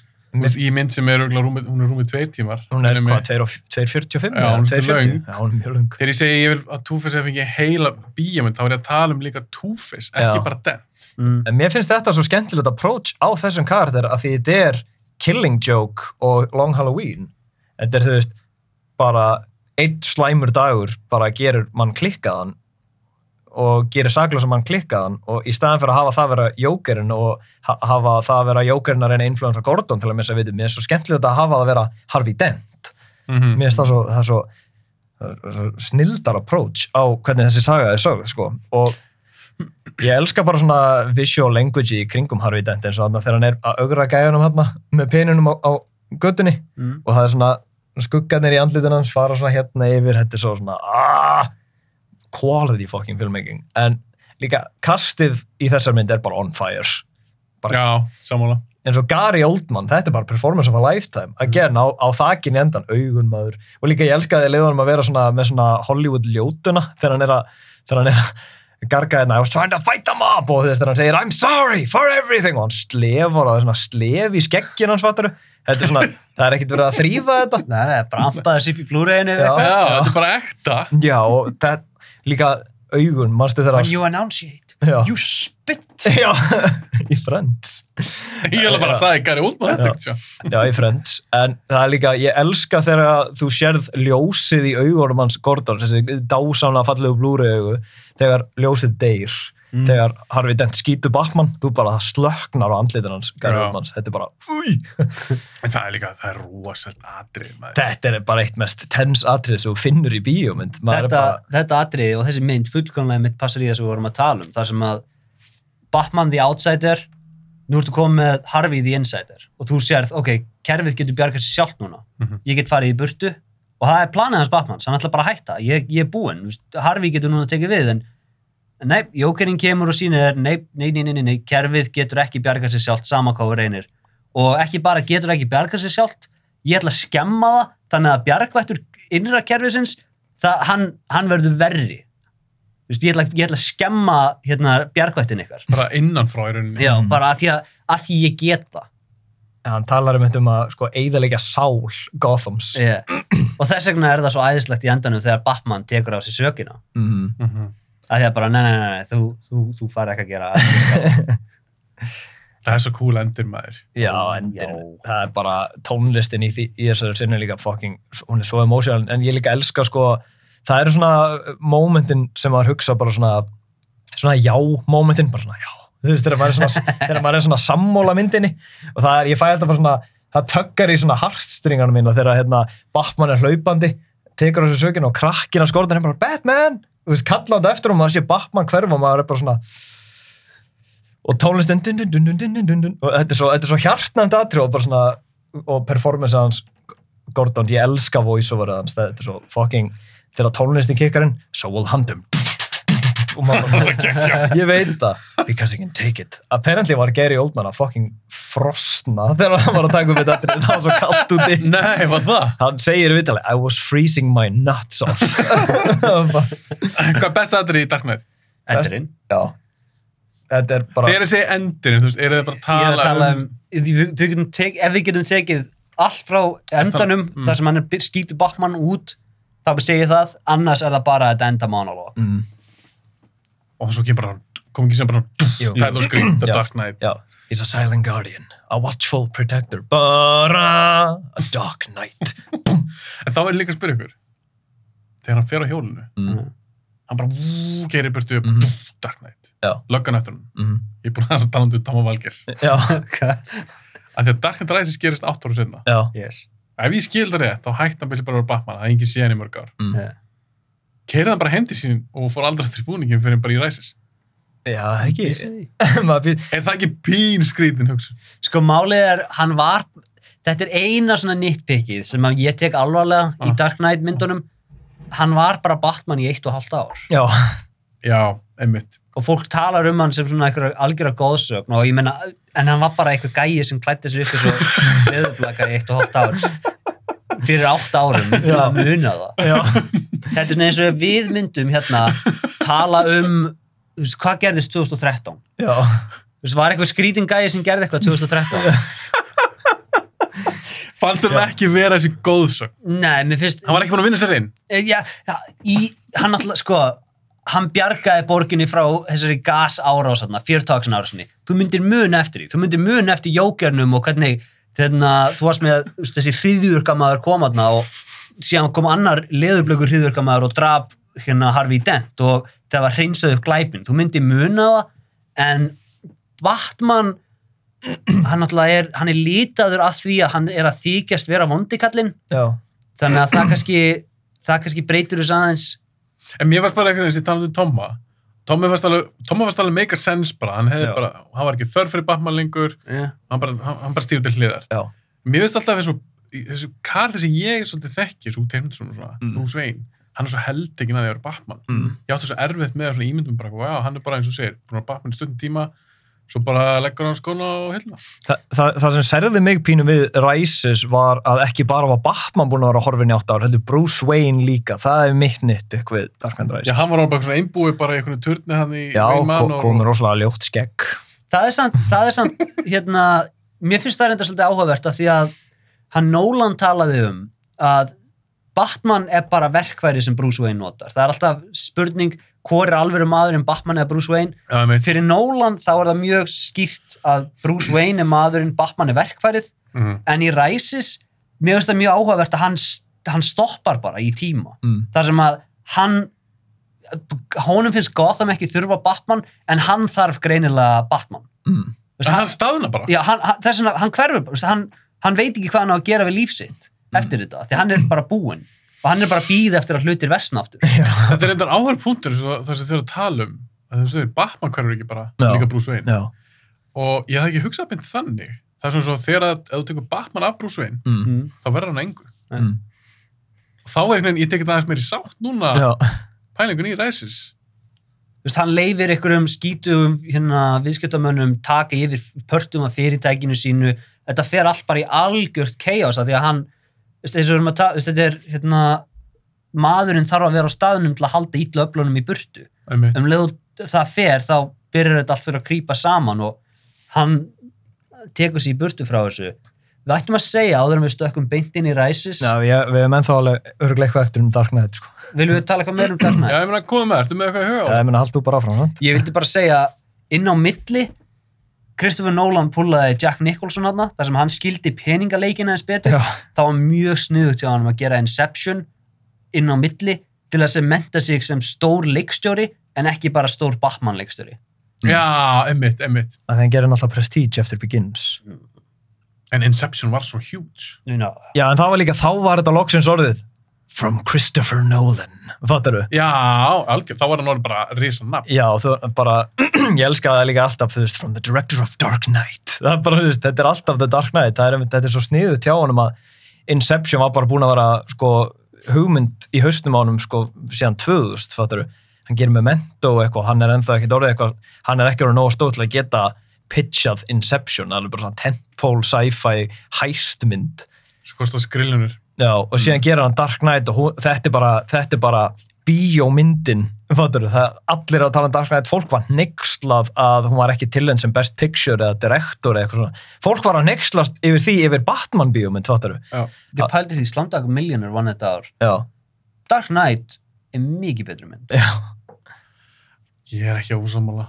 Ég er einu sinni. Já. Jú, fín mynd. fín, fín, ég horfði á hana nýla og hún er, hún, hún er fín. Hún En það er, líka, það er eitt smáatrið Dark Knight sem ég alltaf elskað. Ok, Mér fannst það svo geðveikt að þeir breyttið aldrei. mm, Það er titill, titillin á myndinni. já, Hún heitir ekki Batman 2.0 Dark Knight. mhm, Það er ekkit Batman í titlinum. nei, Og ég man þegar Nóla sagði ég ætla að gera mynd sem heitir bara The Dark Knight. mm. Ég hugsaði með mig þá, vonum bara þess aldrei að lega það.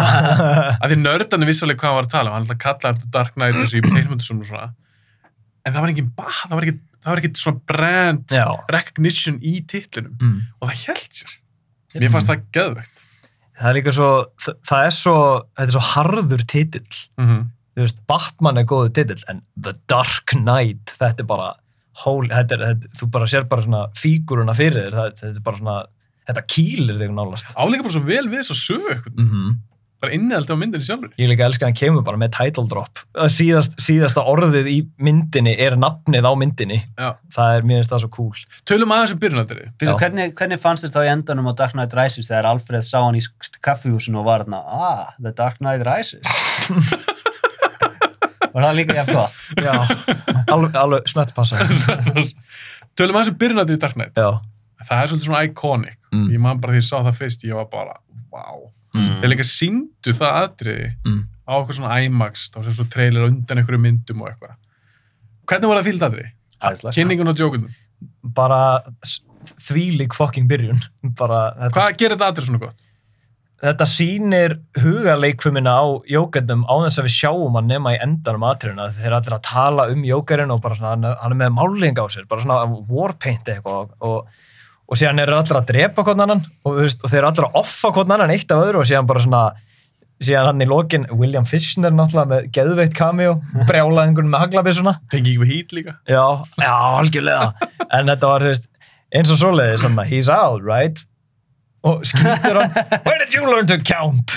En ég elska að, að hann kemur, hann sagði örgulega að drepa mig eins og ég losaði mig hunga. Nei, nei, nei, nei, nei, ég, ég, I killed the bus driver. Og þetta er svona, what bus driver? Kemur rúta og klessir á hann. Gæ, Og þú veist, maður er ennþá svona, ok, en hvað er jókerinn í þessu öllu? Hann er auðvitað búin að plana þetta, svo lappar hann bara svona upp að einhverju gæja og bara tekur þessi grímur og þá er jókerinn mættur og bara svona, oh my god, þetta er ekki bara hann að hann, hann sá til þess að að, hann var að fara yfirgefa svæðið. já, já, annað, annað Nolan að nota í það sem kom á undan Mm. þessi gríma sem hann notaði, þetta er make-up sem að Cesar Romero var með á sér í hérna, 1960s Batman sinni.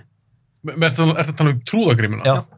Cesar Nei. Romero notaði þetta make-up einu sinni já, hann var með svona, svona grímu líka og tók hann svona af Var, sér var hann með grímu, Romero? Eða var hann með hann make var með grímu Var hann með grímu? hann var með svona grímu og tók hann af sér til að sína hann væri jókerinn þannig að þetta er noti í það sko Það er svolítið cool. Það er Það er líka. En líka pæ- pældi, getur þú ímyndað að Christopher Nolan, hann er alltaf mjög fáaður maður, þú Já. sérð hann aldrei, hann er alltaf í svona flottum jakkafötum, alltaf Mhm. mjög vel settur saman. Getur þú ímyndað að hann heimaður sér horfandi á 1960s Batman?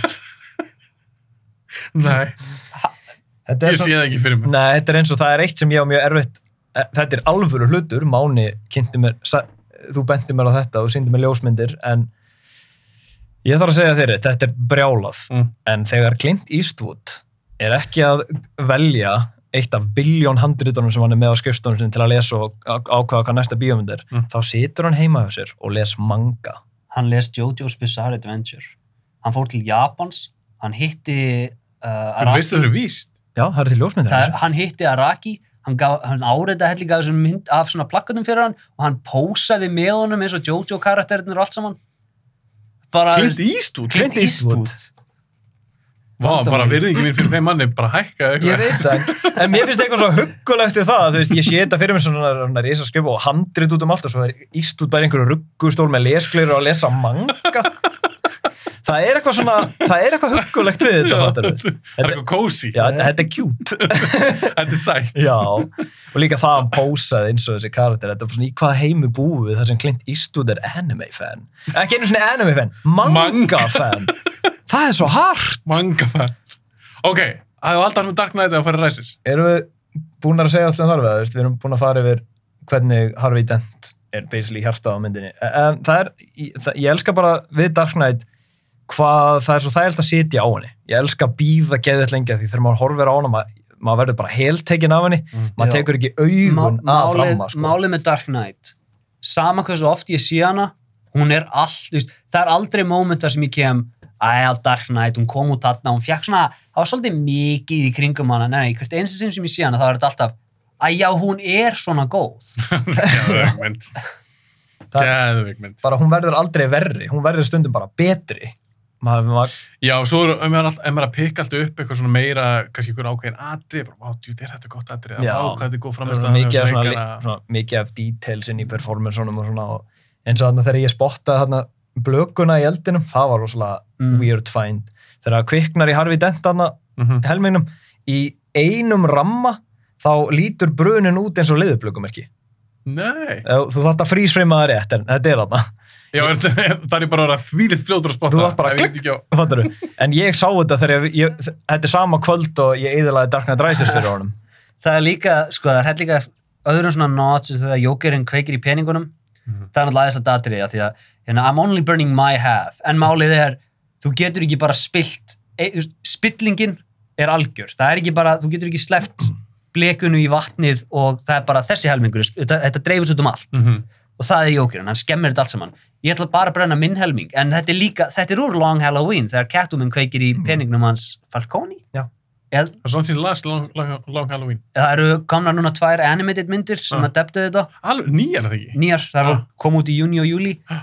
það er spreita sögun í pínu bara Mm. svo, þetta næst inn í tímaraman mjög góðar fyrsta, fyrsta er mjög góð setni er góð, ekki alveg að góð fyrsta en hún er líka góð Eru ba bara byggðar á Long Halloween? Já. Ekki, þetta er ekki Dark Victory sem setni það? jú, Já. En það eru líka með Burton aesthetic, þeir eru með topphattana og þeir eru með, þetta lítur út þessu Burton mynd.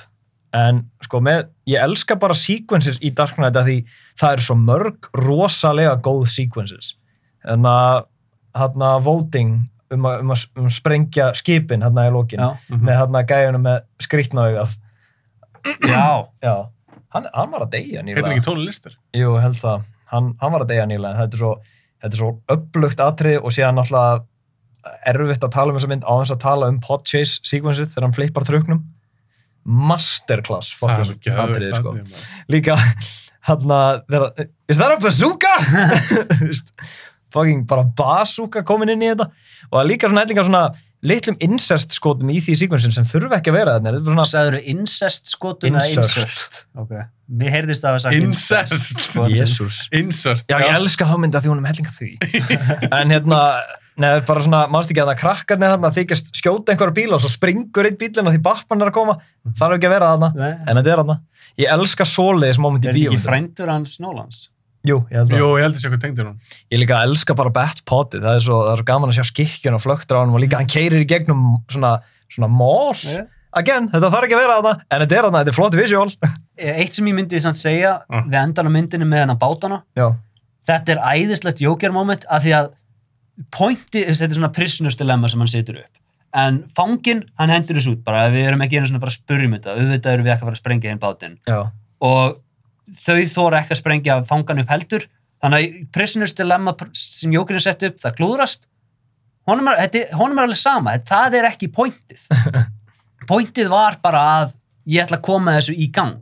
Mm. og ef að það skiptir, það skiptir hann ekki máli að fólki neitað honum að því að hann getur sprengt þetta sjálfur og bara sagt þeim, ójá, hinn, hinnir gerðu það. Það hann ekki einmitt að fara að gera það bara í Jú, lókinu. svo bara- bara þetta er bara um the chaos. Það er ekkert annað þarna hann var bara reyna, eins og Batman literally segir það við hann, Já. varstu bara reyna að sanna að allir eru jafn ljótur og þú og hann hunsar hann bara En eins og í Joker í Dark Knight, Mm. hann er ekkert útskýrur, hann er bara joke, mm -hmm. Mm. fingraförin og bara, þú veist ekkert hvað þetta er. Í 89 myndinni, já þá heitir hann Jack Napier, hann fær nafn, mm einhvern svona bakgrunn. mm. Hvort fíliði? um, Svo fíliði betur. mér finnst sko í bókunum núna eða þegar ég las þetta seinast það er svolítið síðan Já. þá voru þrýr jókerar það var svo canonically fann Batman hann var ennþá, þetta var eitthvað svona leftover saga skilst mér frá Court of Owls þar sem Já. hann var að fara í forsuguna hjá Gotham Er það með þann þrý Jokers bókin? já, og það var partur af þessum Batman var að skoða ykkur af þessum gömlu myndum og hann fann jókerinn þú veist bara þessi maður hérna sem var til fyrir 100 árum á okkur ljósmynd þetta er jókerinn Mm -hmm. þú veist, hvað er í gangi hérna? Mér finnst Jókerinn alltaf áhugaverðari þegar hérna ég þarf ekki að vita hver hann er mér finnst það ekki gera neitt fyrir hann en á sama tíma eins og Killing Joke það virkar alveg. Ég get tekið Killing Joke sem að baksögna bara, já, hann, hann var maður sem fekk allt held yfir sig og núna er hann að sína heiminu það tilbaka. Ég get tekið Jack Napier eða ég get tekið hérna, ég hef ekki hugmynd um hver þetta er. En segir hann ekki, var það í Killing Joke þegar hann segir, Joker segir í einhverju bók, þetta verður þeirri. það er í Jú, það er í Ef þetta. ég á að vera með eitthvað svona origin sögu, Já, þá er ég frekar á multiple choice. Já. Yes. Það er svona sem að Heath Ledger leikur sér með í, eða Nolan, í Dark Knight, þegar hann segja frá öðrum. Mhm, Þegar ég fekk þau svona, nei, ég fekk þau svona, ég fekk þau svona. mhm. Mér finnst það persónulega skemmtilegst í Jokerinn. Og þetta, þetta er alltaf túnað á manneskuna sem hann er að tala við. Já. Já, það, og ég fíla Jókerinn svo mikið þegar hann er eitthvað svona entity. Já. Þetta er bara einhver skeppna. Já, Og það er það sem gerir hann Ledger Jókerinn svo áhugaðurinn og líka sko, Scott Snyder fór svolítið langt með það í sínu rönni eins og þetta væri bara eitthvað svona, svona pagan deity fattaru, Já. mannst ekki hann í sjónum og en Já það var svona einum en, mér, mér en, finnst það samt totally virka. mér, mér finnst það virka þú veist, ég fór svona, að því það sem ég var að fara að segja í, í endanum af því er þetta, þetta er svo creepy, þetta er svona óþægileg pæling, þetta fór alveg pínur langt, en þetta svín virkaði þetta var svona, að því payoffið var svo gott En svo líka svo tölum áðan, að, áðan, í síðasta þætti. Þessi karakter höndla alltaf veginn. mm. Þú getur gert þeim við, þú deity, Mhm. eða trúðin, eða raðmóringja. Það er svo svo cool á þessi karaktera. já, einmitt, og við náttúrulega, við dyrkum bara þegar Jókerinn er svona eins og í hérna Under the Hood, bara maður fá vasklas og brýtur glas og drepur alla, bara, hann er bara með skítuðar hendur, hann getur já, hann getur bara stútað fólki með berum höndum. Og það, það er það sem gerir hann ennþá meira unpredictable því þe- þe- þegar hann er að tala við einhvern, þú veist ekkert hvort hann er að fara bara brjóta á hann um hálsin Það er svo ódreifnulegur. já, það er með það sem mér fannst þið channel og svo rosalega vel við. Þeir gerðu það náttúrulega með Ledger, veist. Við bara sjáum það strax, bara. Ég ætla að láta hann blíjant hverfa. Og drapa hann bara. Og það er það sem gerir hann svo góðan. Gangster jókerinn er svo rosalega skemmtilegur. Mm og hann, þú veist, en Ledger Joker er náttúrulega meira anarkisti en hann er gangster en það eru hintin af honum eins og þú veist, þú veist ég elska þegar í endanum loka confrontation við Batman, hann er bara að berja hann í kassu með, með einhverjum bara kilfum, Mm. þetta er svona, ójá þetta er gæði sem veist, höndlar að fara í slag við Batman, -hmm. af því hann er hann er með skítuðar hendur og hann slæst störti sendir einhverja hunda á hann til að trubla hann og svo hoppar hann á hann og lemur hann með prikum. Þetta er svona, oh, já, þetta er það sem ég vil sjá Mér finnst eitthvað svo skemmtilega aðeins í Dark Knight þegar Joker er að tala við aðra glefn. mm. eins og mafíun og svona, Já. þeir eru bara eins og það er, það er skot af Eric Roberts Mm. það sem hann er bara einhvern veginn mér finnst alltaf eins og hann sé ekki að leika Já. eins og sé bara einhvern veginn, hvað er Ledger að gera það- Mér finnst það líka æðislegt sambandi sem hann á við hérna mafjósina því að mafjósinir þeir halda í alvörunni að þeir, séu, þeir skilji hvað þeir eru að gera já, af því að þeir halda já við getum bara hleyft þessum gæja út hann sér um Batman og síðan verða hlutir eins og þeir verða aftur. Já. en það, hlutir verða ekkert eins og Jókerinn segir sjálfur hlutinir er ekkert að fara fara tilbaka. Ég held mér að Alfred segi við, við Bruce Wayne, hann segir mafían gerir dílu mann sem þeir skilji ekki. Mm. Að nei, nei, hérna var það ekki Batman sem segir að, segir það og, Jók, og Alfred segir perhaps this is a man you don't fully understand either. Ah, getur við. Hann, hann, hann, þetta er réttur um ástæðan, hann sagði að því náttúrulega að Batman er búin að breyta öllu, þá leituðu þeir til manns. En- já, en, en in their desperation Mm. já, they turned to a man they didn't fully understand Að held því- hann að sagt það Já. Já, já, og Batman kemur hann að criminals aren't complicated Já. Já, já, emitt, já, emitt, emitt, emitt, emitt. að þetta var öðruvísi tegund að glemma manni Mhm. alveg. hann var, hún var skýtsaði peninga og allt þetta kjæftæði Já, því hann er óútreiknalegur. já, Sem gerir uh, líka að það er svo, það er svo brútal þegar hann kveikir í peningum að því lá er ofan á peningunum. mm. já Hann kveikir bara í gæja. hann var skýtsaði Já. fuck him, segi ég bara Team Sam, television. þessum húmur Já, pers, það, er, það er grautur. við skulum ekki fara að Nei, en hérna í, í stuttum máli við breyttum Dark Knight myndunum í Yu-Gi-Oh! memes. Þetta er, þetta er einhæfasti fucking húmor sem þú finnur. hérna, ok, fyrir mig eitthvað það annað fyrir Já. mér eitthvað annað að færi ræsis fyrir mér ræsis Já. Hérna það, hún var tekinu upp sem fjóra klukkutíma bíómynd. Mhm. það var allegedly eitthvað samtal á bakvið tjöldunum að hleypa hann út sem tveir partar og Nolan nixaði því. Mm. ég vil vita í alvörunni hvort það sé eitthvað staðar fjóra klukkutíma kött af henni að því mér finnst ræsis vera síst og mér finnst hún vera pínu choppy á stöðum. Já, ég skil þig.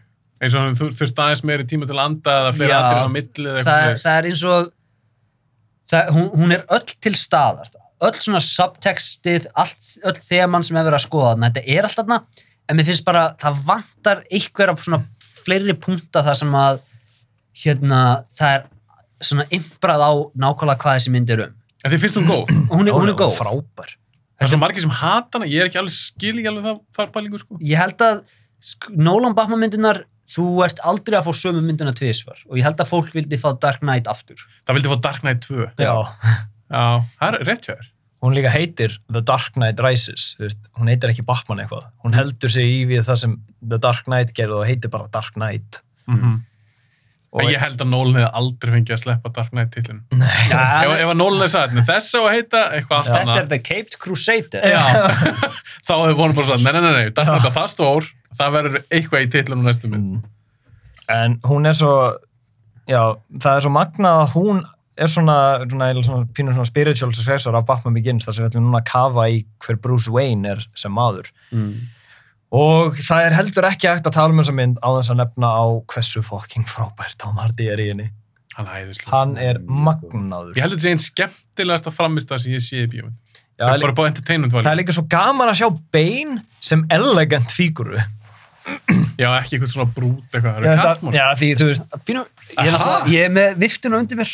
Sleppa á henni en þú veist, bara málið með það er, þú veist, þú sér þennan gæja, hann er bara trukkur á löpum, Mhm. bara massaður í hel og þú veist, bara svona, þetta er gæji sem sko blikkar og þú myndir örgulega meiða þig, og, fattar og, og annað bara vel gert á istunum á þessum manni hann þorði að elda Heath Ledger. Já, Já, algjörlega. En hann hafði samt að skapa rosa eftirmjölan karakter. ó já Og líka, þú veist, við elsku, það er svo gaman að hann er bara með svona, Jókerinn var alltaf með eitthvað svona litla ræður eða eitthvað, ég elska samt að er bara með svona litla svona soliloquies og svona, eh, eins og uppáðslína mín í Dark Knight Rises er þarna þegar þeir eru að fara að slást og hann grípur hnefar hans og kemur svo, veist, Peace has cost you your strength, victory has defeated you. Og þetta er svona, þetta, þetta, þetta, þetta þýðir ekki neitt en þetta er svo lína. En hann er svona að- marga er, her, það, það er nefnilega ég sé þetta öðru ég sé hann hann er að reyna að brjóta Batman niður. Mhm. Þú veist, friðurinn sem þú skapaðir Mm. er búin að veikja þig það mikið að sigurðin er búin að kosta þig allt sem þú barðist fyrir yep. og hérna það er, já, það er eins og bein skilji nákvæmlega hver Batman er og Mm. Batman skilur það ekki og þess vegna sigrar hann þetta er líka svo, þú veist, bara hann er svo quotable, það er svo, mér er svo magna að Bane er quotable karakter Hann er með geggja, og líka ekki svona kótubú bara eitthvað svona asnalega fyndna setningar. Nei. Og geggjaða setningar. Já, Já. þetta er allt svona ég líka, ég held að uppáhaldsatriðið mitt með Bane er samt bara hversu visceral hann er með body language shit að hann getur eignað sér bara manneskjum sem hann er að tala við Manstu Já. þegar hann er að tala við hann hérna hvað heitir hann? Ben Mendelsohn. Já, Ben Ben Mendelsohn. Mendelsohn þegar hann er eitthvað að tala við hann og síðan svona rétt svo, hann setur hendina Það er upp á satrið mitt! Já. Hérna, Já, hann- bara svona er það? Hann- Já, hann svona rétt svo lætur hendina Já, hann gerir svona eins og hann gerir. Já, og bara svona Do you feel in charge? Og maður bara Se- Segir hann ekki líka, do you think that gives you power over me? Jú, en I paid you a fortune and this gives you power over me. Þetta er bara, þú veist, þegar að gera þetta og þú sér Ben Mendelsohn svona en þetta er veist bara Do you feel in charge? og maður bara svona. Það er bein fokkin skeri. Já, ég líka, ég elska gríma hans hún er svo, hún er svo er þið, veitum vantilega pælingunum baka hönnununa. Já, Þetta er öfugt Batman gríma eða? Nei. Hver er pælingin? Varstu búin að heyra þetta ólega? eitthvað, en góðum með það Hann skapaði þetta eftir, ekki manni hvað þessi api heitir. Apin er svo, þegar hann er illur, Hvað- hvað- gerir hann ákveðin svip. Svona órangúti Já, heldur þessi orðbúti. Og hann myndaði gríman er svolítið svona partur af Já, því. þetta er svona Já. Til tennur. Þetta er rosa. Cool pæling, sko. mm. Ég ætla að vera að meina svona in canon hvað gríman á að vera ekki, Nei, ekki nei, í hver var Dark pælingin. Knight- nei, í Já. Dark Knight Rises, bara Já. hönnunin Já. Já. Það er mjög Nólan. áhugaverð samt að gríman ef þú snýrir henni við þá væri þetta bara svona nærbuxur. Já. ekki eiðilegi fyrir mig bein ég, ég er náttúrulega eða láta myndina fyrir honum með að koma með búningapælinguna en er Hardy, er hann stand-out í Rises? Já. allan daginn Uh, er hann það besta við myndina? nei, nei, þetta er góð saga Já. líka já. Mál, þetta er svona, þetta, er- hvað, Nolan líst þessu sem historic epic. var Já, jú, svona grand Hún er mjög historic. episk, Já. Og líka, hún er, þetta er svolítið fyrir sinn tíma. Mm. Þú veist, ég held að ef hún hefði komið, þetta er svona hérna, þemun sem hann er að tala um þetta er miklu meira svona culturally relevant í dag en þetta var þá Já, Mhm. og þetta er líka fyrsta myndin sem sínur Batman í Daylight. Já. Já, Mér finnst það já, með, já. með snjóin og svona, það er svo, er snjór hann og hann hleypur hann með löggan, mér finnst það svo geggjað þegar stríðið byrjar. hvernig finnst ykkur Nolan sem hasarleiksturi og þá er ég að tala um í svona hand to hand umöluður í Begins, betri í Dark Knight Rises hérna bardaginn fyrsti á móti Bane er æðislegur Mhm. mm. Það er masterclass. setni bardaginn aftur á móti er sorp Já, já, hann er það. að því að mér finnst Nolan alltaf að vera betur með svona eitthvað svona faratæki bílaðrið eitthvað svoleiðis ég meina Dark Knight, truckflippið allt það, öll svo sena móturladrið Mm. og allt það, mér finnst það brjála. Mér finnst það miklu heldur en slagsmláturinn Já, líka bara fyr- fyrsta atriðið með Batman í Dark Knight Rises þegar hann kemur aftur hann á í hjólunu. það er geggja maður. Æðislega fokking sena. ógeðslega töffatri, en það er líka svona faratækjadæmi Mm. Mm. en þegar hann fer út í eitthvað svona hand to hand. Já. það er svo, þú tölum aðeins um eftir en svo, svo því ég fekk að sjá affleck í vöruskemmunni. Já, Já, það er náttúrulega bara oh, fuck my life sko. ok, alltaf, fyrir mig það eftir. Já. það er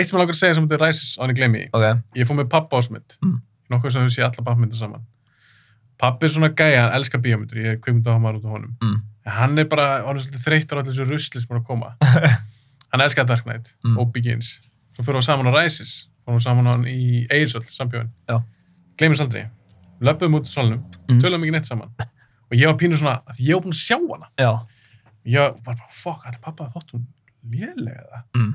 hún er svolítið löng löpum út og vorum á bílplaninu ég segi, að pappi, hvernig hæstur hún veistu það Hafsteinn, ég hef sjaldan skemmt mér jafn mikið í bíó Hún, er, hún er rosaleg, sko. þetta er rætt Mm. Algjörlega, en ég er líka, hérna, ég elska bara svona, svona gæsahúðina sem hún gefur manni. já, það er mörg þannig múmi Já, en lík, það sem gefur mér mestu gæsahúðina, fyrir utan, þú veist, það er Alfred spotta Bruce og tónlistikeikarinn, það er svona vonleysið sem er búið að byggja upp, þú veist, krakkarnar á rútuna búið að sprengja brunna og eitthvað Mhm. og síðan hérna kemur svona springur einhver partur af byggingu og John Blake bara, þetta er að byrja hann, inn í rútuna. Og, veist, og bara cover, veist, við erum hjálpálaus en hann er samt að reyna að gera eitthvað svona að reyna að halda höfði, síðan kemur einhver krakki bara, no, it's Batman! Og dun dun dun dun dun dun, dun og þannig að The Bat faratæki fyrir í loftið og ég bara svona oh my god! Þetta er svo, þetta er amazing Þetta er geggja. Hvernig, hvernig hefði myndin samt verið ef að hann hefði ekki tekið sprengjun, hann hefði bara farið. En hvernig fannst ykkur það aðrið þegar hann flýgur með sprengin eitthvað út í sjó og og eitthvað? það er fallegt. það er fallegt Er það ekki pínu kjálega? Það er pínu Batman 66. Já. Já, það er það ekki. some days you just can't get rid of a bomb Mér fannst það svona pínu, pínu hallaslega. Já. ég hefði samt fílað miklu meira í endanum á Dark Knight Rises ef myndin hefði ekki kötta yfir á Bruce Wayne við sjáum bara Alfred svona horfa og nota En þetta, já, ég lókin á Ræsis. Já. Hefur vel hann enda þar? Eða meina bara ekki sjá Bruce Wayne? já við sjáum ekki Bruce Wayne Af því hún enda náttúrulega á, á John Blake John Blake, já. Joseph Gordon-Levitt. Hann fer inn, hann finnur Batman hellin. Uh Það er ekki rétt sem er. Jú. Rýsa eitthvað upp eða eitthvað. The Dark Þá, Knight Rises. þá myndi búið. já Það er ekki? Jú. Þetta tala um að þú er ekki viljað hafa það sko. Jú, ég vilja hafa það sko, ég er að tala um þegar Alfred sér Batman. Hann Það var samt, hérna, það var reshoot. Já, þú veist, þegar að því þetta. Aha, Þú náttúrulega sér... ég vissi það ekki. Já, hann sér hann, hann svona notar, og síðan er klift yfir á Bruce Wayne sitjandi að svona lifti glasið til hans. Já, Já, ég hef ekki viljað það sko. Ég, Þetta ég, er hallaslega. nei, bara ég vildi ambiguityð. Ég vildi að Já, við sjáum Alfred hann bara svona og síðan stendur Alfred upp á labba burt. Það sem að þú getur lesið þetta sem, hann sér Bruce Wayne, eða þú getur lesið þetta sem, veistu, Bruce gerði það rétta í endanum. já hann, hann er at peace núna eða eitthvað. Já, eitthvað Já. An, en já, hérna, allt það atriði þarna í Flórens eða hvað sem þetta er, þetta Já. var það tekið upp eftir á, að því að áhörundur sem fengi að sjá hann að snemma, Mm. þeim líkaði svo rosalega illa við að hann dó. Mm. Það var bara bætt við henni, hann er lifandi. Já, ég þóla það ekki. Leifið þess að vera pínu ambiguous. Já, Ég það líka, þetta var endirinn á Nolan-seríunni, mm. Þessu þríleik. Myndið segja þetta var eitt besti þríleikur ever bara. Já. Bara án efa. Veistu hvað er líka flott detail í Dark Knight Rises, eitthvað sem ég tók ekki eftir fyrir mjög seint. Mm. Það er þegar, þú veist, í jarðaförunars Bruce Wayne er þarna og við sjáum gröfuna við hliðina á Já. og Alfred er þarna eitt grátandi út í lofti bara, I'm so sorry, I failed you. Hanna, you trusted me and I failed you. Hann er ekki að segja þetta við gröfunars Bruce. Hann er að segja þetta við fóruldrans. Hann er standandi fyrir framann gröf Thomas og Martha. Hann er að byggja þau afsökunar fyrir að hafa brúðist Bruce. Já, þið treystum mig fyrir sín ykkar og ég klúraði. Mm. -hmm. Já. Já. Michael Caine líka var mjög góður í Rises. Hann hann er er bara- mjög góður í ræsis. Hann er definitive Alfred. Það er sko vond að horfa á hann í sumum. Já. En hvernig er það svo með Bale? Mm. Við hefum ekkert mikið talað um hann í þessum þrejum myndum. Nei, reyndar ekki. Við er töluðum ekki einu svona John Blake í Dark Knight Rises. Hvernig finnst ykkur bara, ég veit að hrifnir á honum, Mhm. en því hann er búin að vera með sérstaklega í náttúrulega Dark Knight, þannig Joker, og svo var Hardy rosa svona stór Mhm. framist að Bale, fannst ykkur hann falli í skuggan? Hann er fullkominn Batman í þessum heimi. Ég held að sé, hann er ekki uppáðast Batmanið minn, Já, en hann er alveg perfect cast fyrir nákvæmlega þennan heim. Þar sem að hann getur verið Bruce Wayne með djúpa innra lífið, en síðan í Dark Knight þá getur hann petala það eins tilbaka og hann getur bara verið Batman, the entity. Síðan í Rises þá getur hann, veist, þetta er náttúrulega solid leikari á Já, allar áttir og hann getur verið, hann getur verið gamli aðeins slittnari maðurinn.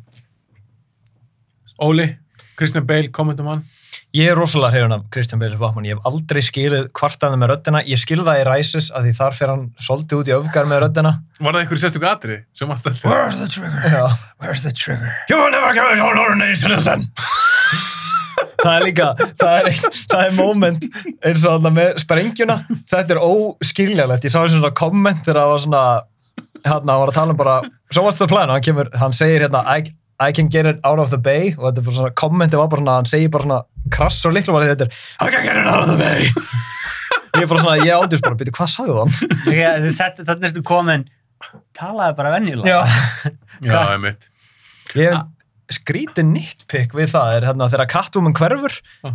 fyrir hann fyrir framan hann kemur So that's what that feels like Það er þetta bara, við af hverju sagði hann til Batman-röðinni að hann er í búningnum, moron Hann er í Batman-búrinu. Já, þá er röddin er fastur við búningin En eins og með Anne Hathaway, Mm. hún, nú leikur hún Catwoman. Mm. Hvernig stu hún? Hún er mjög, hún er mjög skemmtileg í þessari mynd Já, ég myndi, hún er enn og aftur góð í þessari tökku ég er ennþá að leita af svona the definitive bat, neðan Catwoman Zoe Kravitz leikur hann í Matt Reeves myndinni, mm. held ég.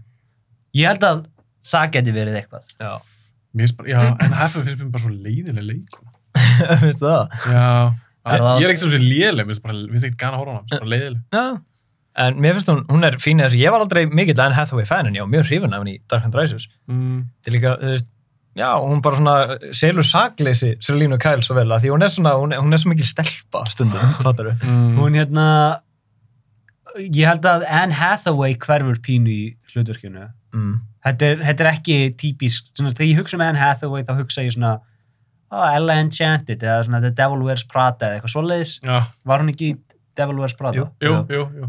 hérna, takk fyrir strákar hérna, en sem Catwoman, mér finnst það að vera annað performance Mm. Eins og með Rises Mm. og, og þessa, þessa karaktera. Mm. Við fengum að Killian Murphy var aðeins í Rises. Já, hann er, hann er í öllum myndunum. Já, hann er í öllum myndunum. uh, hann er eini leikarinn sem er í öll eiginlega. En eins og með Bane og svona, hann- Já. Tom Hardy útgáðan, það var skemmtileg karakter, mm svo Anne Hathaway, við erum að tala um hana. Mm -hmm.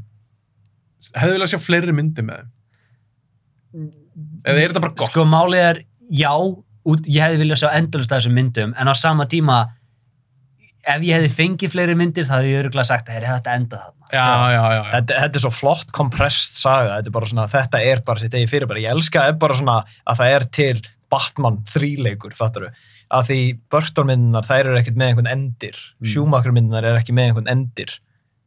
Snyder-myndunar er ekki einu svona með endir. er þetta einu, er þetta seinasta ofriðju myndirnar sem voru með alveg endi Já. Já, í rauninni, eða er Endgame, en- það er náttúrulega að loka 20 og eitthvað myndum. það er rétt Herru, ef að fara aðeins í, eru búin með ræsi í svona þetta um tíman? Sko? Já. já, uh, það er eitt með ræsis viðbót mm Mhm. -hmm. upp á þess atriðið ykkar Uppáðs í ræsis. já, Mér finnst byrjunatri brjála, sko. með fluguluna Já, það er geðátt mér finnst það bein, mér finnst það töff kynning á bein. Já.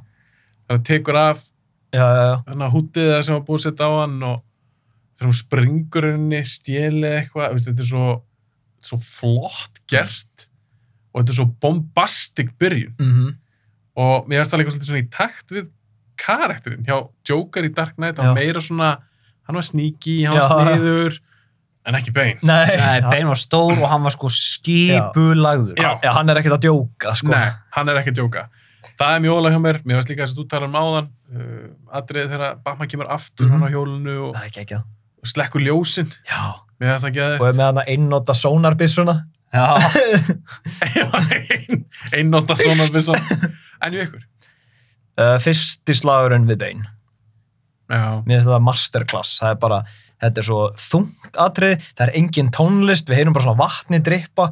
það, er Og, sko, það er sko verið að brjóta Bruce Wayne í tætlur Já. á Við- alla og við það er líka, það er eitthvað við Tom Hardy er svo mikið býst í þessu atrið, eins og þegar hann hoppar á keðjuna og svona Já. spranga niður. Þetta, maður er bara, fuck me, sko. ég veit ekki, ég veit ekki veist, fólk, maður horfir á það og maður hugsa að já, þetta, maður getur gert þetta. Þú, nei, þú getur ekki liftir svona niður keðju sama hvað þú reynir. En mér fannst það sem mér fannst vanta ég er mikill svona slagsmóla fight choreography Mm. mér fannst vanta smá svona umfýla Já. ég, ég skil hvað er að tala um. Mér finnst umfið vera í Batman, hann reynir að kýla og þú sér, þú veist, bleituna skvettast áfram en það er ekki nóg, hann er ekki nóg fljótur Mhm. en ég bara, þú veist, ef ég hef fengið eitthvað svona Ben Affleck, Zack Snyder Mm. choreography í þessu atriði Já. En sko, mér finnst þetta þannig að virka inn í samhengi myndarinnar eins og í The Dark Knight. Ég sé ekki fyrir mér atriða sem myndin stoppar og verður með eitthvað brjála koreograft Batman. Nei, ég held að þetta sé ekki heiminum fyrir það Að því Nei, þessi Batman, þessi Batman er, þú veist, hann er lærður sem ninja en hann, hvernig hann slæst þeirra hvert einasta högg á að vera róthögg. Mhm. það eru olbú og skot og svo leiðis þarna Já, hann að snögga koreografi í byrjun og það og hérna, slæra hann svona en, tilbaka. en bara þegar maður, eins og með Batman Mm. það var að besti hand-to-hand combat Mm. mm. held ég bara í DC heiminum Já, ef við tökum bara einn af, einn já, af. alveg öruglega top 5 bara svona hand-to-hand, það var ekki að tala um eitthvað svona overhittu dót, svo maður getur auðvitað að drepa hún alltaf Já, er Mér- það, við skulum tala mér fannst ég bara aldrei að fengi það almennilega Mm. fyrir en ég sá Batman og Superman, Já, s- bara það atriði við getum talað Skemmunni. um það þegar við tölum um Batman við Superman mm. hérna mest comic accurate Batman sem við höfum fengið live action alveg lang, langa veg fer það til Ben Affleck Sammála. en hérna, Erum við búin með ræsis? nei, uppáðsættinni mitt í ræsis Já, fyrir ekki á manni. Hvað sættir þið? atriði sem þræðir allar myndina saman Mm. það er þegar hann sér Rasal Ghul aftur oh, og Rasal Ghul segir honum hérna, hérna Er það hann í fangilsinu? já, Já. og hann er hérna I, I, I told you I was immortal og, hu- og málið er Bruce, þetta er ekki Rasal Ghul er ekki eilíður það sem að Rasal Ghul representar er eilíft og það er þessi barda gegn hennu illa Já. og það, það fer aftur í hérna, útlæðin sem þarf að koma aftur og bjarga borginni sinni Mm. Já, og að því að, að, því að þú, þú, þú kláraðir ekki bardagan Mm og þú fórst bara. Og þú, þú, þú áttaðir þig ekkert á því að bardaginn hjælt áfram og hann þróaðist í aðrar áttir og síðan kemur þú átta árum setni einhvern veginn að reyna að bjarga þessu. Það virkar ekki. Mm. og það, þaðan kemur Bruce Wayne og átta sig á því ok, núna veit ég hvað ég þarf að gera. Já. Svo er ég að hugsa núna að mesta gæsa á momentið, það er auðvitað í fangilsinu. Já. Þegar hann þegar hann stekkur hann Já, og tónlistin kemur, úff, ég, ég er samt, það er eitt atrið í þessar mynd sem ég þykir rosalega væntum og það er hérna þegar uh, Batman segir Gordon hver hann er mm. fallegt, það er svo fallegt já, já, já. bara þú veist að því þetta, þetta, hann gerði það svo persónlegt í stæðan fyrir bara svona, þú veist, mér var alltaf drullu saman hver það varst og bara svona, og þú var rétt fyrir þið með það eða það var rétt í kosturinn en ætti fólki ekki að fá að vita hver, hver er maður sem bjargaði og bara, hér getur hver sem er, jafnvel maður sem setti frakka á axlir drengs til að láta hann vita allt væri í lægi þetta er svo mikið bara fyrir Gordon. Mm. Og hann einmitt geymir það. Hann, hann heldur kæfti við, hann bara Eh. Bruce Wayne. Og síðan í endan bara svona að Blake segir, það er enginn frá að vita hver bjargaði hittir borg. Og hann bara, they know. It was the Batman. Og maður bara svona, því hann er tákn. já, Þetta er meira en eitt maður. og líka ég það er svo, ég elska hvað Gary Oldman getur líka gert svo mikið með bara svip, eins og mástu þegar hann sér hann að Bat-logoð aftur á þakkinu Mm. og svona, svona rétt svona kemur við til að, alveg, er þetta í alvörun að og hann svona, og lítur svona upp til heiminsins hann er að leita að Batman í svona að, að glæta um, ég er bara svona engin orð, þetta er allt bara í svipnum, ég er bara svona þú veist, Gary Oldman, hann hverfur svo mikið ég, ég sé bara Gordon, ég bara, ákvað Gordon er glaður 100% sammála. mm. Ok, erum við búin með held það En við þurfum aðeins að tala líka um Ben Affleck mm. Já.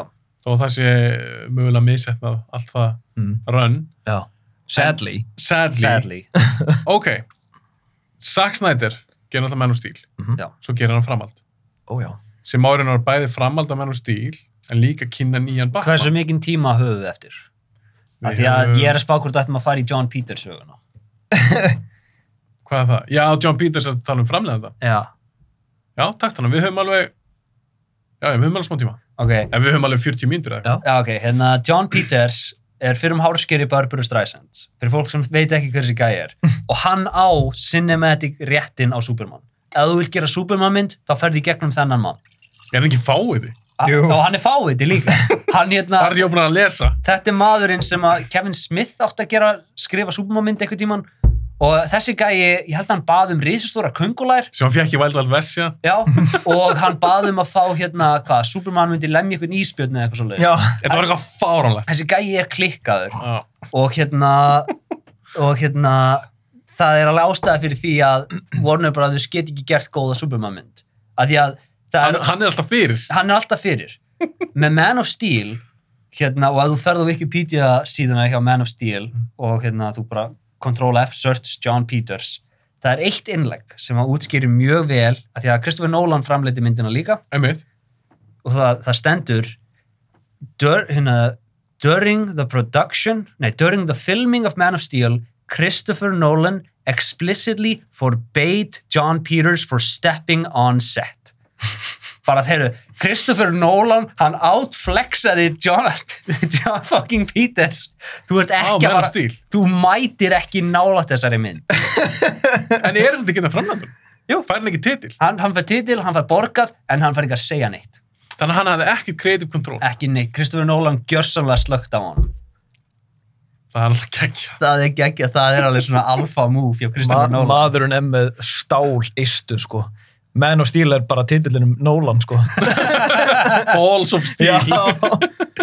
Ok, þetta var góð saga því að John Peters er mitt. Ég var búin að heyra hans á hann gegnum Kevin Smith Mm. Og lesa eitthvað svona, maður bara, þetta er eitthvað fáið. Sko. Þetta er bara hann brjálaðingur og það er, það er alltaf gott þegar góði gæðin sigrar og fá Kristoffer Nolan til þess að þakka niður í Já. það er svo Ú.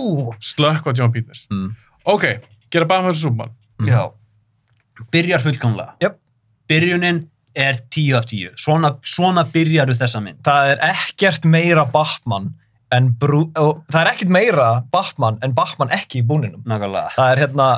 Bruce Wayne er að sjá bara hriðjuverk fyrir fram að sig, allir að hlaupa döðskelkaðir, ekki Bruce Wayne. Hann sér hættuna og hleypur inn í hann í móti öllum, inn í reikin, inn í eldsvon og bara, veist, ég fekk bara gæsa að hugsa um þetta því tónlistin svellar svo mikið og myndin er svo perfectly á, á bakinu, hans Ben Affleck, að því maðurinn, my god, hvað hann er byggður. Og hérna, stór og mikill við skulum aðeins tala um hatrið sem Ben Affleck fekk þegar hann var cast. Ég, ætla, ég var einn af þeim, ég var stórlega á móti þessu. ég var um ekki hérna, ég var alltaf fíla. Ég hataði það í sólaring. Ég hataði það þar til ég sá hérna, production ljósmyndir af þessu atrið, þar sem hann var í bláu svona jakkafötunum og vantaði jakkan samt. var hann ekki vesti Jú, hann var, í, Jú. hann, var í, hann var í vesti yfir skirtu Já. og hérna, það voru held ég tværa eða þrjár ljósmyndir þarna og einhver var búinn að posta þessu á Reddit eða á Twitter eða eitthvað með captioninu Ladies and gentlemen, I give you Bruce Wayne og ég sá þetta og ég hugsaði ok, þetta er reyndar, þetta er svolítið gott hann lukkar En Ég líka nefndi það við þau um daginn, þetta er casting sem ég kemst ennþá ekki yfir. Af því ég sé ekki, þetta er eins og Morgan Freeman sem Lucius Fox. Þetta er svo, þetta er svo auðþekkjanlegu leikari, Já, en þetta er aldrei Ben Affleck á skjáminu. hann hverfur einhvern veginn sem Bruce Wayne þetta, þetta, er, þetta er magnað því það er ekkert sérstakt við, veist, það er ekkert verið að fela hann í einhverju make-up eða einhverju klikkuðu hári. Þa, það eina er, hann fær svona widow's peak, Já, það er einast þið bæta við hann en þetta er samt bara Bruce Wayne. mér finnst líka hann í búningnum þetta er besta hakan Já. Já. þegar maður sér eitthvað svona prófælmynda á hann með eitthvað í búningnum eins og tala um comic book accurate Mm mér fannst ég bara að sjá þennan guður hérna Já. sem er að borðinu mín hérna, Jim Lee Já. tekningin sko En veist, það sem gerir þetta svo flott er einmitt bara að þe- þetta, þetta er ekki Ben Affleck. Þetta er bara Bruce Wayne. Mhm. Og líka ég elska að hann er, hann er, hann, hann er með fullkomna svona smögg brosið. finnst þú hvernig góður sem Bruce Wayne Obama Bara perfect. er hann bestur Wayne. það? hann, hann er besti cinematic Batman já, við tökum báðar hliðarnar á þessum karakter Mm. er Ben Affleck það bestur öllum Mm, sko Ben Affleck náttúrulega hann fær ekki heila mynd til enga bakgrunnu sínum eins og Christian Bale Mhm. þannig að ekki beint sangjandi að bera það saman ef þú berð þá saman með við efnið sem þeir fá þá myndi ég segja já ég er ekki ósamála, mér finnst hann frábær sko Líka reyðin í augunum á þessum manni Ó, þegar hann sér já. Superman hann á fljúandi. Ég líka að það er svo gott svona, svona subtle performance þegar hann er að tala við stelpuna sem hann bjargar hann og bara svona, we're gonna find your parents, where are they? Og hún lítur upp og sér og bygginguna sem er ónýtt og Bruce Wayne gerir bara svona þú veist, hann veit, hann þekkir þessa tilfinningu og huggar stelpuna, tekur hann svona sér svo sér hann Superman og bara reyðin sem myndast í augunum hans án þess að hann breyti svip, svipnum maður bara svona, ó nei og sér kemur þýmið, bam, bam, bam, bam og bara svona, the pure anger en hefur ekki hægt að býða þess með að kynna Batman akkur gæti ekki bara fengið Man of Steel 2 halda þess áfram með Superman Nei, ég, Ekki? ég, ég vil hérna ef þið eru að fara að byggja svona DC Universe Ah. þá byggið það á Batman Já. Batman er ykkar hérna, hann er ykkar Nick Fury sko. Já. en af hverju fengur þá ekki bara standalone Ben Affleck Batman hverju blandið svo saman? Ég, að því að hérna málið var Man of Steel performaði ekki að vel og þeir vonuðu. Mm og ég heldur voru hrættur um að ef þið gerir Man of Steel 2 þá verður hún eitthvað flopp. Þannig að það þarf að bjarga þessu með einhverju gimmicki. Og Batman vs. Superman er handrit sem er búin að vera í gangi síðan 2003 eða eitthvað það er náttúrulega mjög frækt að það er hérna, notað til hennar í I Am Legend sem kom út 2007 eða já, eitthvað. plakkat Já, því Akiva Goldsman var upprannlega að skrifa Batman þessi Superman Já, mynd. þetta, þetta er, hann, þeir eru búin að vera að plana þessa mynd lengi. Já, og ég held líka að Zack Snyder hann vill gera Batman mynd. Hann er miklu meiri Batman görður en Superman. Hann Já. ætti að fá að leikstýra Batman mynd. Alveg bara, mér er alveg sama hvað fólki finnst um Batman v Superman eða hans útgáfa Justice League hann var í fullkomin maður í Batman mynd Mhm. ég var samt ánægst spenntið fyrir Ben Affleck mynd. Já, hann ætlaði að leikst sjálfur Batman. Já, Já, hann tók að sér aðeins svo mikið kallinn, sko. hann var líka gangi gegnum mjög persónulegt Já, kall Persónulega. greið, sko. Og en líka, nú, en núna er hann á snekkjum með henni hérna, Jennifer Lopez. Jennifer Lopez aftur hann, kærustunni. ég vorki hann ekki mikið í dag. Nei, hann var líka að deyta Anna de Armas. Já, ég vor ekki henni bæna flikkinni. Nei, en það er náttúrulega því við vitum það, hann, hann, hann er með þriðja fót, sko. Það er, það er þekkt í Hollywood. Já, hann ávist að Já, sko þetta- Willem Dafoe ávist að vera með stærsta tippi í Hollywood Leto líka, hann á hann með eitthvað svaka. Já, Já, er ekki heyrt það? ég var ekki búin að heyra það Komin einhver að tippa um það. Og Ben, Willem Dafoe þá, Mm. Ben Affleck. Justin Bieber, ég hef heyrt það Liam Neeson á vist að vera með vassflösku hana. Liam, Já, Liam Neeson já. Hérna, hvað er strákurinn í Dunkirk sem að vera í One Direction Harry Styles. Já, hann ávist líka Hvað erum við að tala um? Erum við erum að tala um Batman Já, big, big dicks. Já, ok. Herru, ok, hvar, hvar vorum við? Ben Þú Affleck, varst að tala um Willem Dafoe. Will, nei. Nei, ég, ég þarf bara alltaf að tala um tipp Tipp. Já, ég held að varst að fara að segja að það er ástæðan okkur Willem Dafoe getur ekki verið jókerinn. Þú sagði það. Já, já, já, Að því jókerinn má ekki vera með stærra tipp en Batman. það er rétt Ef hann hefur verið Joker á móti Ben Affleck, þá kannski hefði það... Já. hefði- Þá þetta verið svona actual piss-taking contest. Og já, það, það er eitt annað sem ég vil þann segja Mm. hérna, Leto Jókerinn mér finnst hann ekki virka í neinu samingi nema á móti Bruce, hérna Ben Affleck Batman Mm. Þeir tveir, það var eitthvað svona fenar þar sem að Batman, Ben Affleck var svona kirkjan eða eitthvað svoleiðis, Mhm.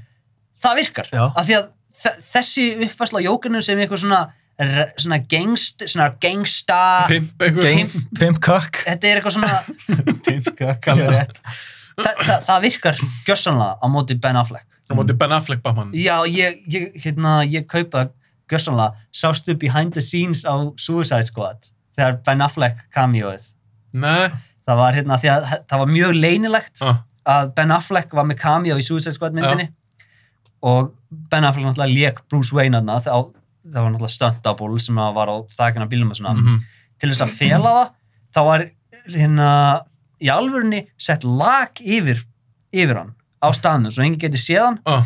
þannig að á svona behind the set photos þá er Jared Leto þarna og Margot Robbie og einhver maður undir laki með, með tvö svona eyru sem stingast upp úr laki Og lett á jókerinn er svo mikill cook. Ég elska það. En vs. Superman, Mm. Já, góð mynd. á sinn hátt Mm. Þið hefur gaman að henni. ég, haf, ég fór heim að henni og ég hugsaði þetta er mynd sem ég elska en vá, ég hef vildi ekki fá þessa mynd Já. Mér finnst líka bara, mér finnst ekki alveg vita hvað er vildi gera. Nei, því, það er svo sko, mikið í einhvern veginn. Batman-atriðin eru öll svo góð. Ég, líka Jeremy Irons sem Alfred inspired casting. Æðislega. Bara, Jesse Eisenberg sem Lex Luthor, hvað varst að hugsa? já. Þetta er Ég- skelvilegt. Ég hata hann. Þetta átti að vera Brian Cranston eða Mark Strong, sko. Þetta áttu að vera eitthvað sem er sköllótt. fullorinn. Já. Líka bara fullorinn. Mér finnst Jesse Eisenberg bara strákur. Já, Þó þessi 38 ára það. En ég, ég skal gefa Eisenberg eitt samt. Mér finnst þetta gott performance. Þetta er, þú veist, hann, Þetta er grillað performance. hann er að gera það sem hann gerir, þú veist, hann fær efni og hann er að nota það, Mm -hmm. saka það ekki, en við höfum ekki enda fengið góðan live action Lex Luthor. Í smólu.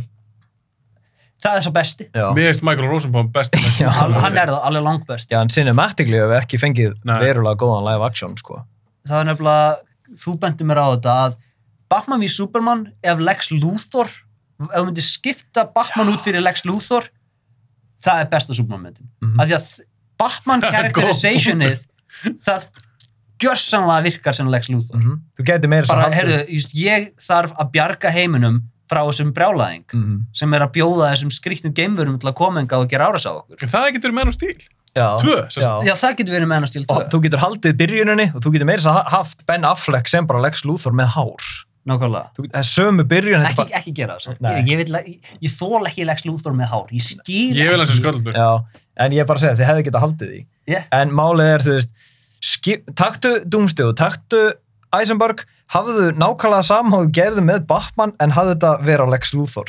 Og þá ertu komið með Ultimate Meira að segja með hérna, powerbúningin í endanum. Hann Já. er með fjólubláan og grænan Já, powerbúning. Lúþur hefði getið farið það. Ég veit það. En það því að mér varst dumstið dótið og líka ekki drep þeir, drepa Súbmann Já. í Batman Súbmann. Já, Við erum bara búin að fá tvær myndir með hann. Ef þeir eru gert þetta eftir eitthvað run já. og gert það vel, ekki bara svona sjúhornaðinn Já. þá þetta getur verið rosa impact. Já, þú veist, í hvaða heimi bý ég þar sem ég finn sorgleira af Yondu Udanta í Guardians of the Galaxy 2 Mér finnst það sorgleiri og emotionally powerful döði en fucking Superman. En það er líka, hérna, sáuðu þið Death of Superman animated myndirnar? Nei, uh, ég las bókina, mér varst hún umuleg Hún bókin er ömuleg. Þeir, það eru tvær útgáður af animated mynd. Það er ein animated mynd frá 2004 eða Jó, eitthvað. ég sá hann held ég Hún er með rosalega gott þykk soundtrack. mm. Alveg örgulega besta Superman soundtrackinu, Mm. en hún sjálf er ekki það góð. Mm. 2019 held ég, eða 2018, þá gerðu þeir nýjar myndir, sett í tveim pörtum, The Death of Superman og The Return of Superman. Það eru mjög góðar. Já, ég þekki að sjá þær hérna, The Death of Superman sagan er ógeðslega góð ef þú ert með Superman sem fólki líkar við. Mm en þetta er, þú getur ekki haft eitthvað svona fólk á alþingi, fólk á bandarinska þinginu er að dæmum what is the legal ramifications of Superman? Nei, nei, fólk, fólk þarf að elska Superman til þess að dauðina skiptir einhverju máli. Já, Já, en því- það Sorry, ég var læðir En það böggaði mig alltaf, nutta mig alltaf öfugt að Súkman degi út af einhver sem er líkalega sterkar en hann mm. Súkman er bara svo ógeðslega sterkur sko. Já. En þetta er náttúrulega, þetta er það, er, það er engin höll típa að fara að drepa hann með því að berja. Já, en þetta er líka svo þetta- þörda ekt er svo mikið sull já Sull Já. er geggja orð til að lýsa þörð aktur í Buffy Súkman Jésús þetta er bara svona, það er svo mikið þú veist, eins og, það er bara verið flott sko, hefur bara endað þetta á warehouse-sínunu og eitthvað svoleiðis og þú getur haft Lex Luthor í Power Gallonum ef þið ætla að hafa almenna Lex Luthor og þeir geta barist gegn honum síðan er Wonder Woman hann líka og Ó, hún er svo, hún er svo, hún er svo slæm miscast. hún er svo slæm Gal Gadot, jú, mér finnst hún ekki búin að vera að vaksa í hlutverki heldur. Mér finnst, Það er þeir eru búin að, ég meina, Wonderwoman 2 það er fucking hræðileg sko. ég sá hann ekki. mér, mér, mér, bara, mér er aldrei fundið Skal Gadot vera góð Wonder Woman Þetta er alltaf bara mótel Já, sko. í engum af þessum myndum að því þetta hefði átt að vera sko annarkvort hún hérna Emily Blunt, Jennifer Connelly uh, konan sem leik Lady Sif í Thor myndunum J Jamie Alexander heldur hún Hérna, Já, ef þú- Málið er, hérna, í Wonder Woman 1, þar er hún, hérna, æðislega, æðislega, hvað heitir hún? Hver? Princess Bride. já, já, já, já, hún- Robin Wright Robin Wright er í henni.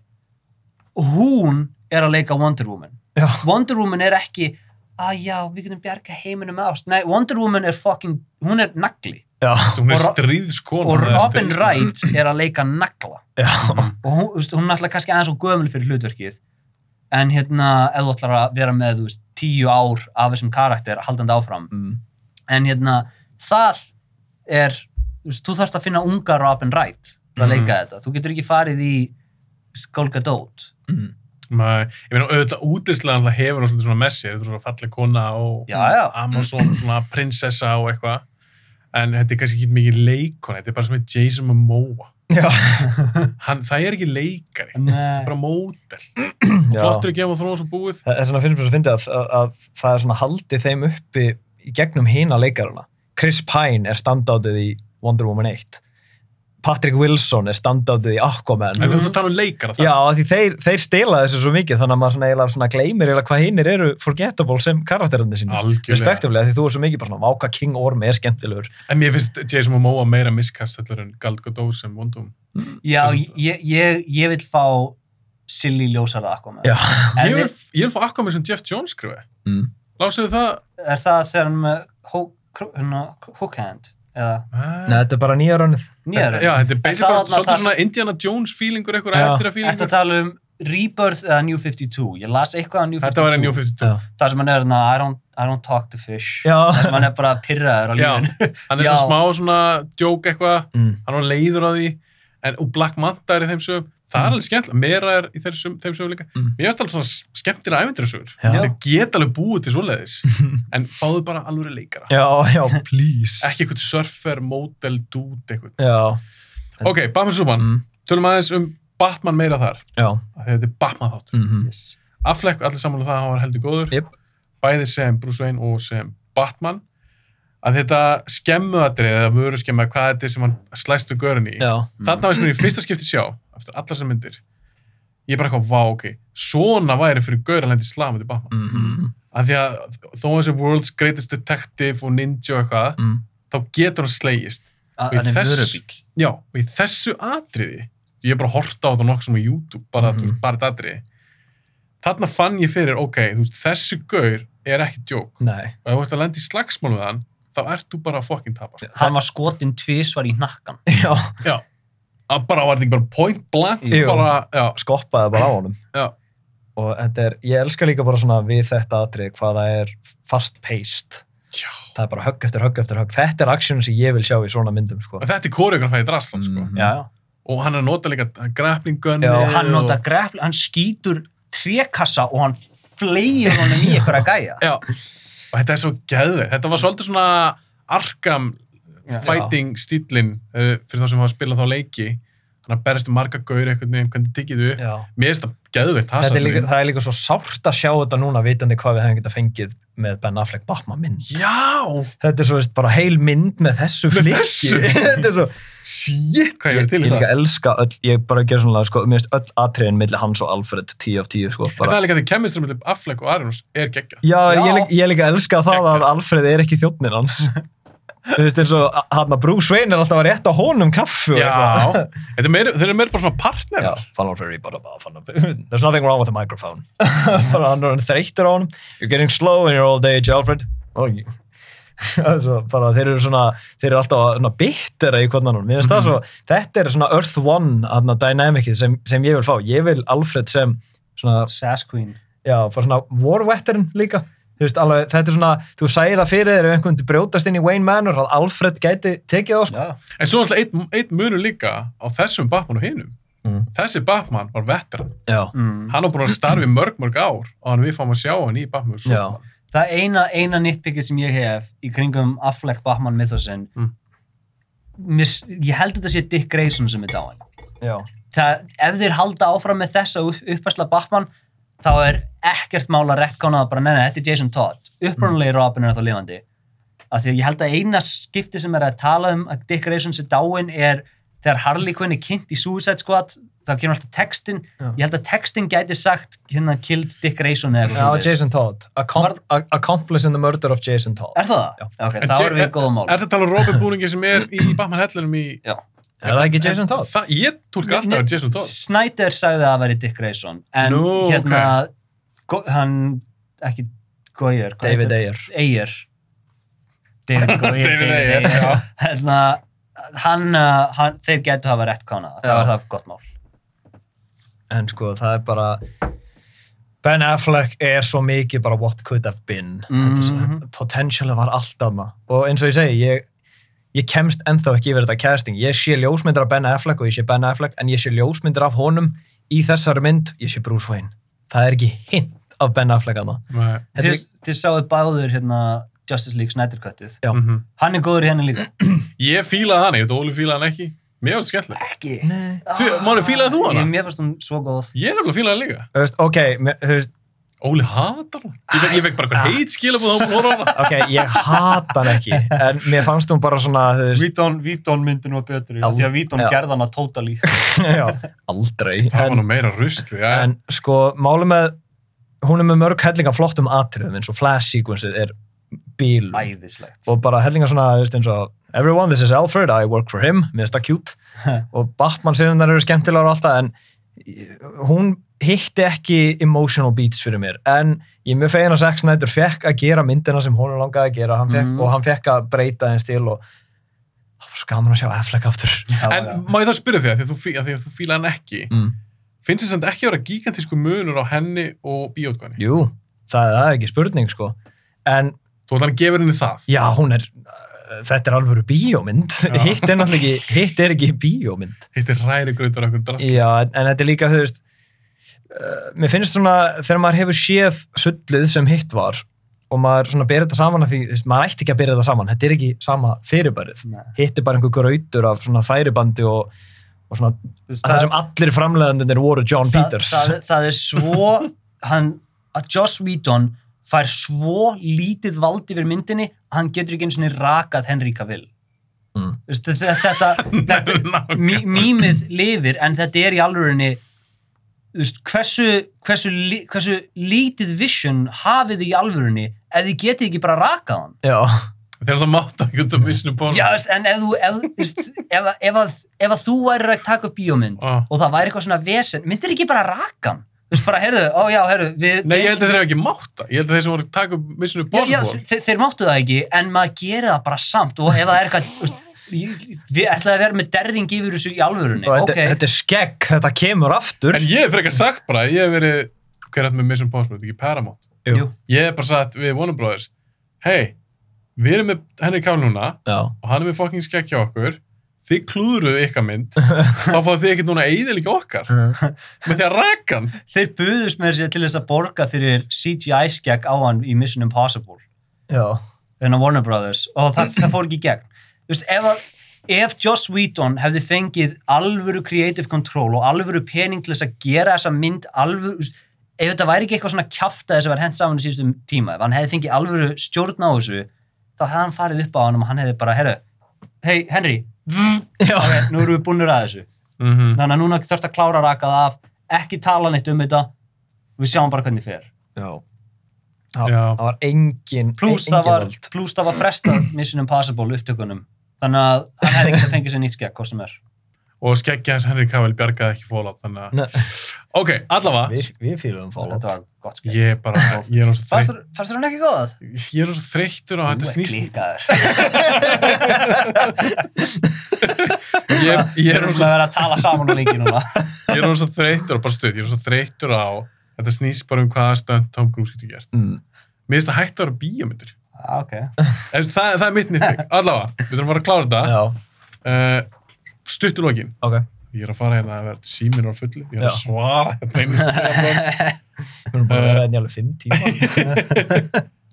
Hei, við hefum Eh. getað hort á Justice League allir saman og gett commentary Já, vá. Ég ætla að gefa smá shoutout. Ok. Tomma Valgeis, vinn okkar. Já.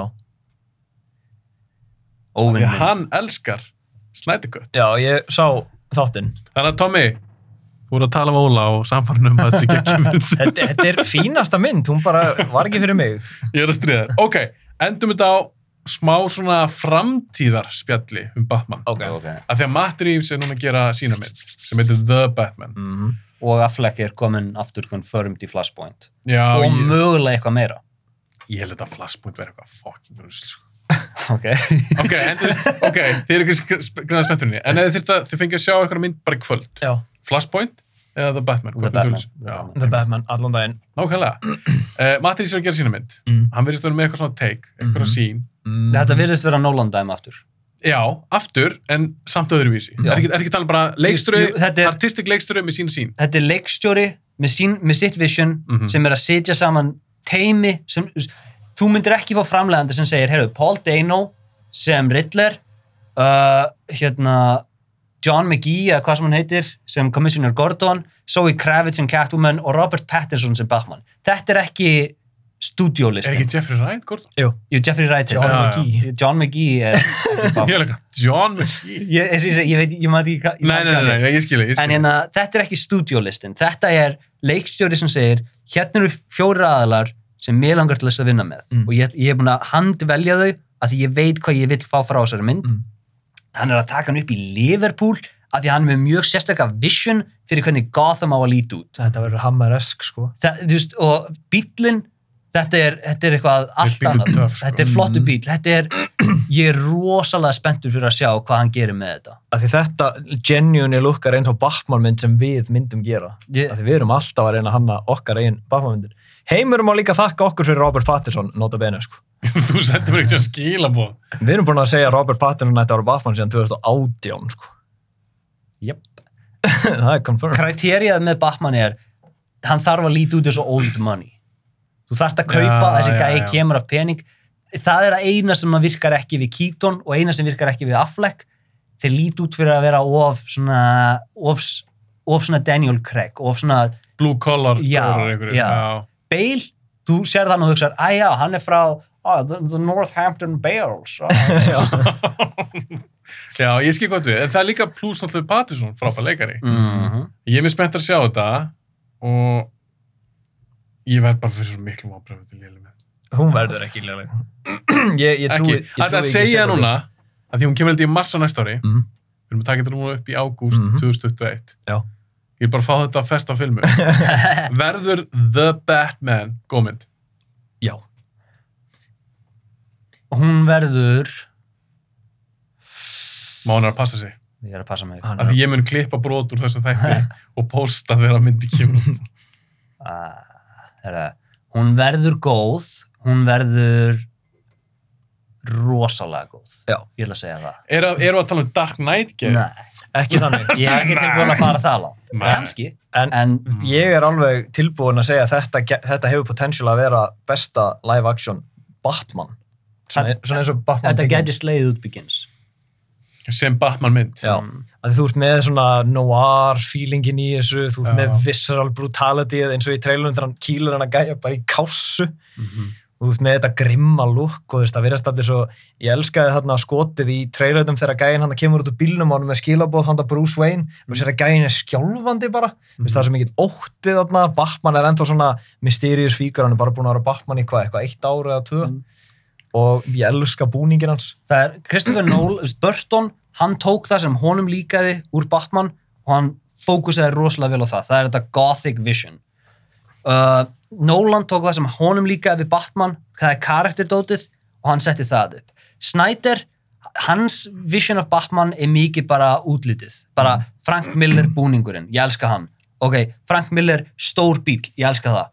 Uh, Frank, Frank Miller, Batman að berja Superman. Ok, ég tek það og setti það saman. Það er eins og mál með Matt Reeves hann virðist vera að fara alveg djúpt aftur í upprunan á Batman þegar hann var með byssu, þegar eirun eru ennþá pínu beig, þegar hann er aðna lappandi um íbúð bara með vasilús að skoða hvað er að gerast. Og mér, það er Batmanin sem mér langar að sjá, svona detective Batman. Verður þetta þannig? Já. ég vona það.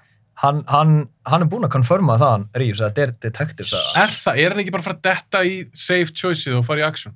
Ég held ekki að því Reeves er svo gáfaður filmmaker, hann er líka, hann elskar Batman teiknumöndasöðunar, hann sagði að hérna, Earth One og Long Halloween voru stærsti, stærsti innblásturinn fyrir þetta. Riddler er vondigæn, þannig að er, það er svona Zodiac element í búningnum hans. Þetta er allan tíman að fara að vera murder mystery, sko. að því Paul Dano sem Riddler, það er svona virki sem svona meiri psycho svona slímur bara. já, eins og Paul Dano er Já, æðislegur leikari Já. æðislegur leikari, ég elska hann hann er svo góður í There Will Be Blood hann náttúrulega er í skugganum af Daniel Day-Lewis allan tíman Mm. allir fara í skuggan og Daniel en Day-Lewis Paul Dano er það sem við vorum að tala um áðan hann er svona karakteraktor ef þú vilt fá svona slímuan svona, svona slimy, grubby lítinn mann eitthvað, þá fyrir Paul Dano Ég líka, það er, svo, það er svo apparent að Matt Reeves er að fara í Earth One. Ég las um þetta Earth One aftur áður en við- að- fyrir þennan þátt. Og hann Andy Serkis sem Alfred, ég hata það casting ekki. það er gott, Það er svo gott. það er líka mjög Earth One Mm ég er búin að gleyma því castingi hvað, hvað er svo sérstættu Earth One? ég hef ekki lesið hana. Þa, það vartu með Alfred sem er war veteran og hann var ekki ráðinn til að vera þjónn, hann var ráðinn til að vera bodyguard fyrir Wayne hjónuna því, Bru- að því Thomas Wayne var að sækja um það að vera forseti. Og síðan bara svona, alveg hei, ég þarf ekki, líf- ég þarf ekki bodyguard í kvöld, ég er að fara í bíó með sinum mínum. Og það er akkurat það kvöld. Mm. og Alfred er sá sem er að kenna Bruce að slást veist, og þeir fara í genuine slagsmál þeir kýla hvernig hann í andliti einni sinnu að því, að, að því Alfred er orðin þreyttur á hvernig Bruce er að haga sér í þessum búning en verður það ekki alltaf bara kallin í stólum? eða kallin í talstöðunni? ja, eða? Reeves er samt búin að tala um að það verður eitthvað dynamic milli Alfred og, og Bruce í þessar mynd og ég, ég er ekki að segja að þeir eru að fara að kýla hvernig hann í þessar mynd en ég held að verður eitthvað svona roughhousing svona, svona battle of wits annað, annað atrið úr Earth One sem að ég myndi svona sem karakteræsir þetta mikið fyrir mig Mm. Fyrsta, er það ekki fyrsta sinn sem að nota grappling hookið þá það, spýtast það bara út og Já. skemmist Já. það er mjög mikið svona Earth One þetta er, já, svona mistök eða Já. bara að læra á græðina, Og- læra allt úti þess vegna er svo gott að í fyrsta sinn sem við sjáum Batman í Earth One það er hann að elda einhvern bóa alltaf að hoppa yfir eitthvað þak og nærði því ekki hitt þú veist, hann hoppa ekki nálant og dettur bara niður bara svona anskotin fattur og ætlar hann að nota graflinguna að það springur setni bókin Earth One panel for panel, alveg eins en núna nær hann stökkinu, af því að hann er orðin Batman. Ég elskar svona stöf og líka, við elskum núna litlu hlutina. Við erum alltaf, við erum með eitthvað blæti fyrir Batman með Vasaljós það er gott. Já, Batman með svona, svona lítið vasalus í hendinni. Uh, og ég hannaði einu svona svona Batman sequence með búningarna þegar við vorum að ákveða hvort að Batman nokka væri með löngeiru eða rítil Mm. við erum með bæði. Þú byrjar með löngeiru Mm. hann fer í eitthvað slagsmá við einhverja svona thugs eins og Ben Affleck, einn af þeim grípur í eirun og gefur honum néspark í andlitið. Þannig að næst þegar við sjáum Batman í búninu þá er eirun honum stittri svo það gerist ekki aftur. Það er, það er ekki útskýrt. Það, þú, bara, þú, þú skilur það Já, út þú af fattar sjálfur af hverju hann lit stitt Já. Ok, fyrir með endur þetta strákar. Mhm. bara ein spurning í lokin. Ok, höfu gaman að Batman. Hvernig finnst ykkur Batman? Ein spurning í lokin. Ok Verður Batman til eftir 100 ár? 100% En þá vinsæll? já, Við erum alltaf verið lungu döður en já, ekki ég, ég er, er þetta bara svona cultural icon hann er aldrei að fara? Já, ég meina, hann er 80 eitthvað ára núna og við erum ennþá að tala um hann svona mikið. En sko, ég held að hann verður með þessu orðin public domain eftir 100 ár. Já. Er það ekki bara þegar skaparinn er dáinn pluss 70 eða 90 ár? Eitthvað hann er. Herðu, gott svo að skaparinn, endum á þessu, smá shoutout á þá sem sköpuðu Batman, við ekki að tala um það. Nei. Af því lengi vel held ég að þetta væri bara Bob Kane. Mm. Svo kom til að ljósa að Bill Finger var átti stóra hluti í. Já, hann alltaf Sko, bara... Bob Kane, Bob Kane, hann, bjó til, hann skrifaði Bat, bandstrik, Man og Bill Finger, hann bjóð síðan til allt hitt. Já. Hann basically bjóð til Batman sem við þekkjum. Mm. Og það er mjög áhrifamikil heimildamönd sem kom út sem, ég heldur hann heiti Batman and Bill. Ok. Ég veit ekki hvort það sé hana. Nei. Um bara þennan slag að gefa Bill Finger kredit. Mm. Fyrsta kredit sem hann fekk var held ég í Batman Superman. Já. Sjáum við þá er henni credit by Bob Kane with Bill Finger. Já. Og ég táraðist Mm. yfir þessari heimildamönd. Já, ok. Þetta er alltaf maður sem skapaði uppbóðs óðurðuna mína Mm. en fekk lengi vel ekki kredit. Og hann líka bara dó pennjulegs og eitthvað, það var bara... Sorgluðu döðdagi, þetta var rosa sorglegt. Mm. Ég mælum að fólk kíkja á þessa heimildmynd. Ég held að, mér minni að sé hana á Hulu eða Amazon Prime og bara fyrir ykkur líka, því að gaf hana henni Mm. uh, bara að fá þess að heyra þessa sögu um Bill Finger. Já. Endum á því, Já. takk hjálpa fyrir að koma strákar. Takk, sem, þetta bara Takk takk fyrir að fá okkur. Þetta var geggjað, tveir risa þættir. Þetta var huge. Bara þá til næst. Ángæði næst.